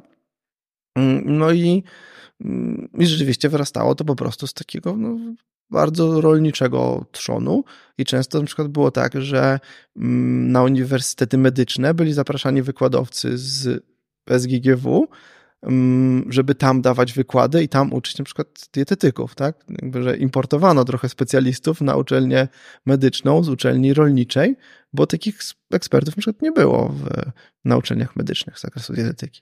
Więc jest to, jest to słuszne spostrzeżenie, że tak to trochę historycznie wyrosło. No bo tak powiedziałeś o tym, że mogę sobie napisać na Instagramie, że, że jestem dietetykiem, ale wiesz, myślę, że to podobna historia jest w tym całym świecie psychologicznym i wszyscy mówią, że każdy sobie może być psychologiem, że wystarczy, że tam napiszesz w, w, w, w nazwie swojej firmy gabinet psychologiczny, ale ja osobiście chyba nigdy w życiu się nie spotkałem z tym, żeby ktoś aż tak mm, zakłamywał rzeczywistość i zastanawiam się, czy ludzie tak rzeczywiście robią, żeby z doświadczenia wpisują sobie, że są dietetykami? Spotykasz Wiesz co? Mm, raczej nie. Rzeczywiście raczej nie, tylko to jakby wiesz, no? Bo- jedno bo jest jak powinno chcę, żeby- wyglądać prawo, a drugie jakby jak to faktycznie ma miejsce. Ja się chyba nie spotkałem, nie spotkałem się z, bo wiesz, na pewno jest, na pewno jest trochę, mm, nie wiem, trenerek personalnych, czy trenerów personalnych, którzy tam klientowi powiedzą, no bo ja też jestem dietetykiem, coś takiego, albo że się gdzieś tam dopiszą i wiesz, to są jakieś, wiesz, powiedzmy mało zasięgowe osoby. Nie kojarzę kogoś, kto by na przykład miał jakiegoś dużego bloga, duży YouTube, czy coś takiego i na przykład mówił, że jest dietetykiem, a nie jest dietetykiem. Choć kojarzę, że była jakaś afera ostatnio z taką dziewczyną, tak w mi się teraz przypomniało, ale to są, wiesz, raczej pojedyncze przypadki, nie? No jakby raczej mm, się przed spotykam z tym, że ludzie kombinują, że mówią, że są doradcą żywieniowym albo coachem żywienia albo coś takiego, czyli tak trochę to próbują rozgraniczyć. Mm, Bo to jest trochę odstraszające dla ludzi, to znaczy, że y, y, przynajmniej takie mam poczucie, że ludzie chcą tych konkretnych, takich, powiedziałbym nawet polaryzujących odpowiedzi, że możesz robić dokładnie tak, mhm. bo za każdym razem, kiedy, no i chyba nauka tak najczęściej pokazuje, że ta odpowiedź jest taka, to zależy, ale mogą być wyjątki. Albo prawdopodobnie, nie? Prawdopodobnie, może zadziałać, może nie zadziałać, zobaczymy, y, trzeba to przetestować. Albo szerszy kontekst jest ważny, nie? No, albo zrób badania i wtedy się zorientujemy i po jakimś czasie zrobimy znowu, a ktoś mówi, nie, nie, nie, bierz ten selen i on, tak. on absolutnie zmieni twoje życie. Y, to my, my, trochę tego chcemy i mam wrażenie, że z jednej strony to jest taka mm, historia naszych czasów, że potrzebujemy tych szybkich rozwiązań, hmm.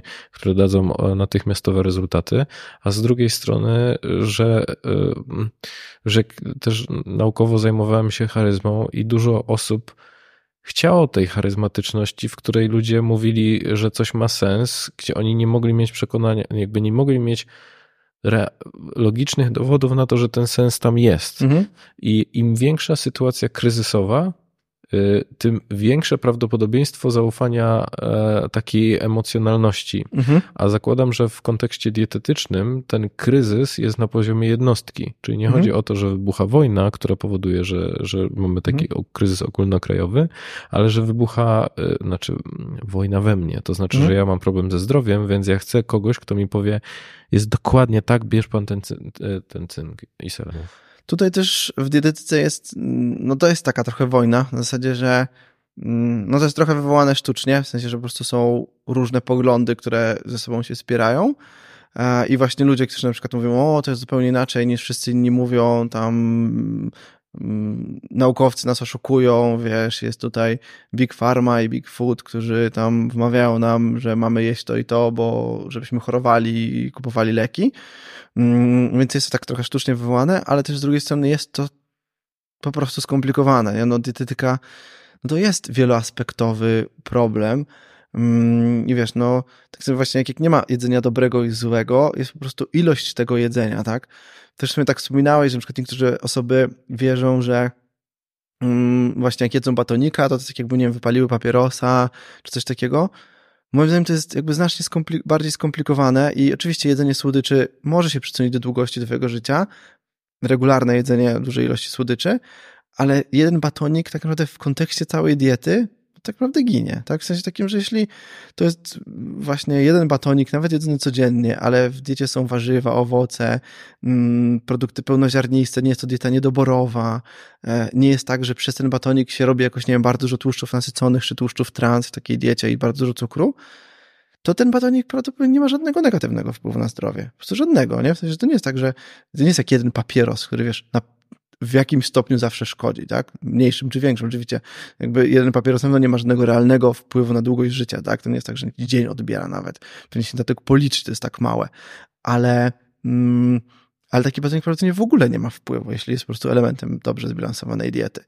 Mm, bo to właśnie ma wiele różnych aspektów, tak? No teoretycznie na przykład możesz mieć dietę, która jest dobra, ma niski indeks glikemiczny i tak dalej, ale na przykład dorabiasz się jakiegoś niedoboru, nie? Że ci brakuje jakiegoś, mm, jakiegoś składnika, nie?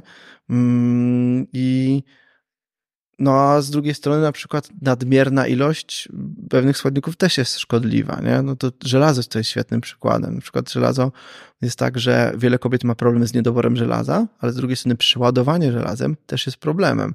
I ludzie chorują dlatego, że po prostu tego żelaza mają za dużo. E, I to też znowu jest na przykład takie wieloaspektowe na takiej zasadzie, że te tendencje do gromadzenia nadmiernych ilości żelaza mogą być w niektórych okolicznościach korzystne i na przykład są badania, które pokazują, że geny odpowiedzialne za nadmierne gromadzenie żelaza, które może doprowadzić do tak zwanej hemochromatozy, e, czyli choroby, która polega na właśnie nadmiernym zgromadzeniu e, żelaza, mm, to mm, mają lepsze predyspozycje, że wśród sportowców na wysokim poziomie jest ich więcej. Czyli negatywny, w sumie negatywny wariant genu z punktu widzenia populacji ogólnej zwiększa ci szansę na sukces sportowy. Mm, a na przykład generalnie sportowcy nawet wyczynowi żyją dłużej niż ogólna populacja.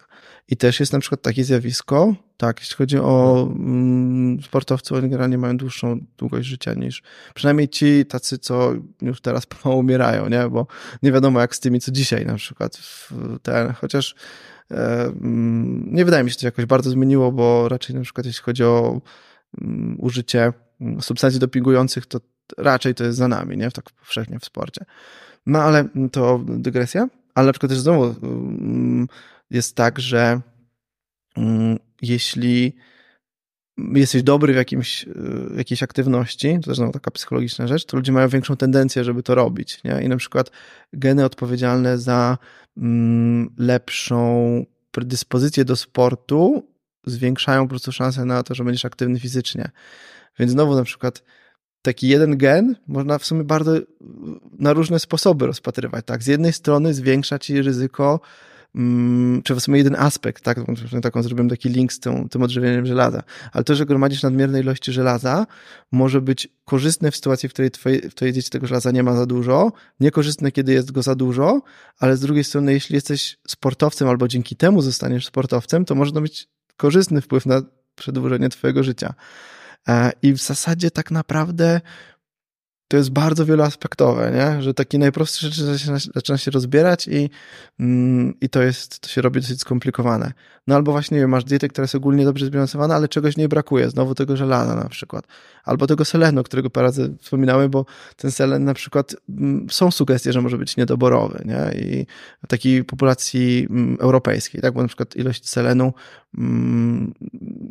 czy to, ile mamy selenu w diecie, bardzo zależy od tego, ile jest go w glebie. Mm, no i może być tak, że to pierwiastek niedoborowy, na przykład w naszej części Europy. Bo gleby mm, są jałowe. No, mają mniej selenu, tak? Bo to nie chodzi o to jałowość gleb i tak dalej, tylko po prostu go jest mniej, a też jest taki kłopot z selenem, że mm, jego na przykład nie nawozi się generalnie selenem, chociaż są takie próby, ale nie, bo on nie jest potrzebny roślinom. One go nie, po prostu nie potrzebują, więc no i no o, tym, o tym mówię o, o dietetykach rolniczych, że to ma ogromny sens. No tak, tylko że na przykład patrząc rolniczo na dietetykę, to mógłbyś to dość późno zauważyć, nie? No bo w sumie myślisz bardziej w kategoriami tymi rolniczymi i potem dopiero ci przychodzi, że jednak ludzie czego potrzebują coś, trochę czegoś innego. Um, choć to też daje, wiesz, z drugiej strony czasem dobrą perspektywę. No ale to, mm, żeby nie odbiegać od tematu. Mm, no ale z drugiej strony nadmiar selenu też jest szkodliwy. Nie? Mhm. E, I to się rzadko zdarza, ale są rejony świata, w których tego selenu jest za dużo i to powoduje, że ludzie chorują. No i nadmierna suplementacja oczywiście też może spowodować.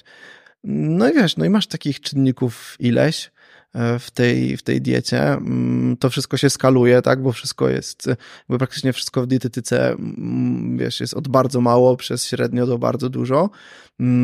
Pewne rzeczy mogą być negatywne w jednym aspekcie, a korzystne w innym aspekcie.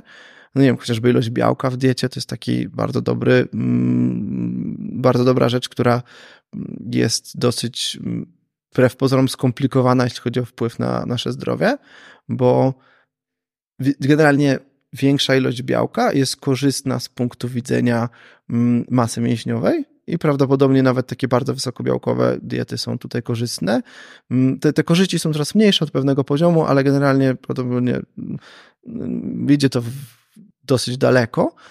Ale z drugiej strony, na przykład, są badania, które pokazują, że jeśli się odchudzasz i masz insulinooporność, to dieta niskobiałkowa daje lepsze efekty niż wysokobiałkowa. I nie do końca wiadomo czemu, ale tak jest. Więc jeżeli przed priorytetem jest poprawa insulinowrażliwości, to może nie należy dawać bardzo dużo białka. Ale z drugiej strony, na przykład, um, taka umiarkowana przynajmniej podaż białka, a niektórzy powiedzieli wysoka, jest bardzo korzystna z punktu widzenia kontroli apetytu. To ma bardzo duże znaczenie. To jest jeden z takich filarów apetytu, tak naprawdę, odpowiednia podaż białka. Mm, a z trzeciej strony, na przykład, są sugestie, że duże ilości białka w diecie pogarszają jakość snu co też może ci wpływać na apetyt dalej, bo gorszy sen to jest ewidentnie mm, większy apetyt. Wiesz, nie, nieprzespana noc ci zwiększa mm, pobór energii o około 300 kalorii. To jest bardzo dużo. Nie? To jest naprawdę że sporo, to tak wiesz. Czy nawet więcej może niż 300, bo to kupiono 300-400 nawet kalorii. Okay. To jest naprawdę bardzo dużo, nie? Więc to wiesz, to się wszystko tutaj zapętla i trochę trzeba to mm, też gdzieś, wiesz, wypośrodkować, nie? I zastanowić, co co jest najważniejsze w danym aspekcie, kiedy korzyści się robią mniejsze niż ewentualne ryzyko, czy ten pacjent na przykład doświadcza jakichś problemów e, ze snem. No wiesz, na przykład ja nie zwracam w pierwszej kolejności na to uwagi, czy na przykład mm, jest za dużo mm, białka w diecie i mój podopieczny może się nie, nie wysypiać. Nie jest to jakby pierwsza rzecz, na którą zwracam uwagę, ale jak ktoś mi zaczyna mówić, że się nie wysypia, to się zaczynam zastanawiać, czy może nie mogę obciąć osobie die w diecie białka i może to poprawi jakość tego snu, nie? Może to jest coś, na co warto zwrócić uwagę. A może da się zrobić coś innego, bo też te mechanizmy są takie, że czasami nie da się obejść na przykład, nie? No i na przykład prawdopodobnie suplementacja tryptofanu akurat w tym wypadku może złagodzić ten efekt diety wysokobiałkowej. Albo rezygnowanie białka w tym ostatnim posiłku. No, jakby są różne na to pomysły, nie? Więc często nie ma takiej jednej odpowiedzi, jedz jak najwięcej białka, nie? Albo jedz jak najmniej białka.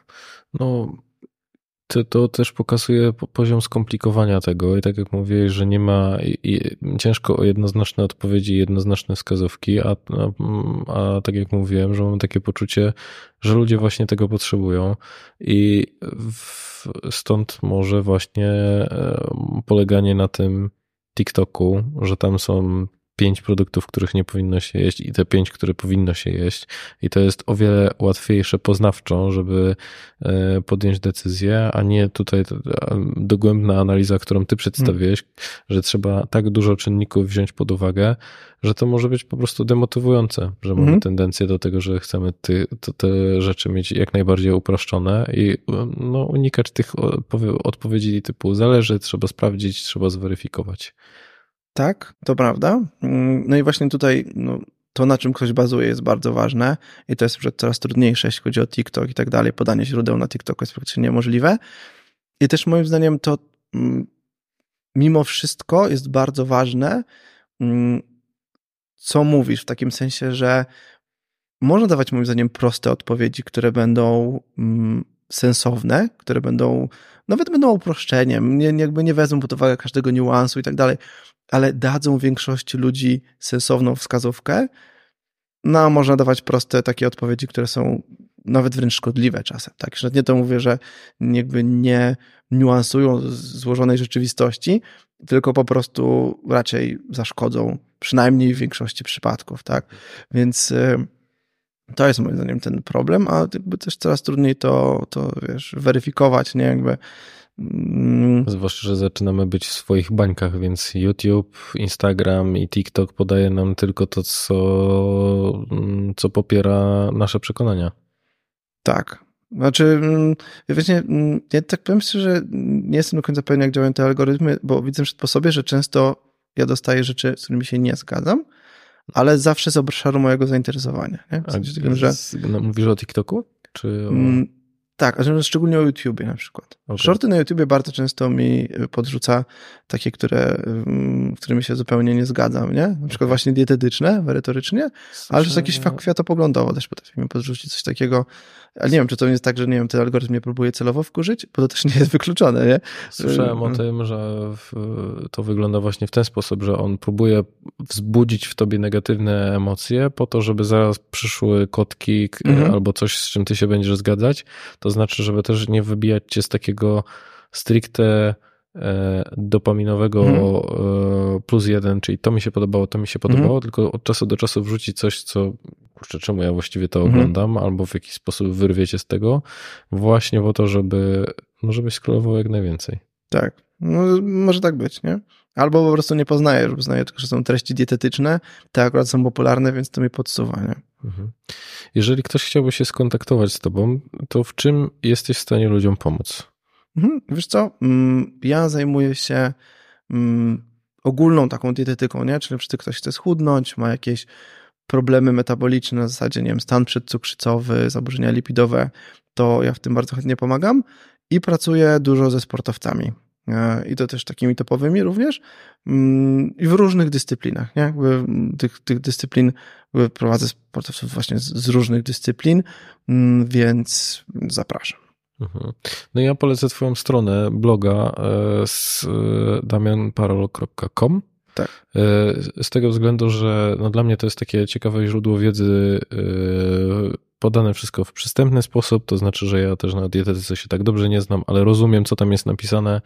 E, czas, często zwizualizowane ciekawymi obrazkami, jak na przykład krzywa parola. I także, no szczególnie, szczególnie polecam to, to widziałem, że też zaczynasz działać na YouTubie.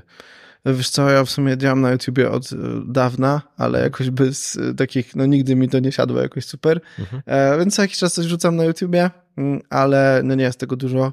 I trudno powiedzieć, że zaczynam, bo pierwszy film rzuciłem naprawdę dobrych parę lat temu, okay. ale ich jest może kilkanaście. To może pory. nazwę to intensyfikacją tego, mam wrażenie. To też trudno mi tak powiedzieć, bo ostatni hmm. chyba wrzuciłem z pół roku temu, nie? I się nie zanosi na kolejny, więc Dobra. nie jest to jakiś, nie jestem jakimś specjalnie płodnym twórcą, jeśli chodzi o YouTube, choć mm, nie wiem, może to się zmieni któregoś dnia, bo też jakby widzę duży potencjał w YouTubie, ale, ale jeszcze jakoś nie, mm, nie udało się tego rozkręcić.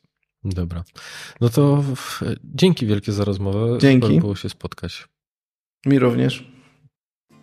Słuchasz podcastu charyzmatyczny. Zasubskrybuj, daj kciuk w górę lub skomentuj.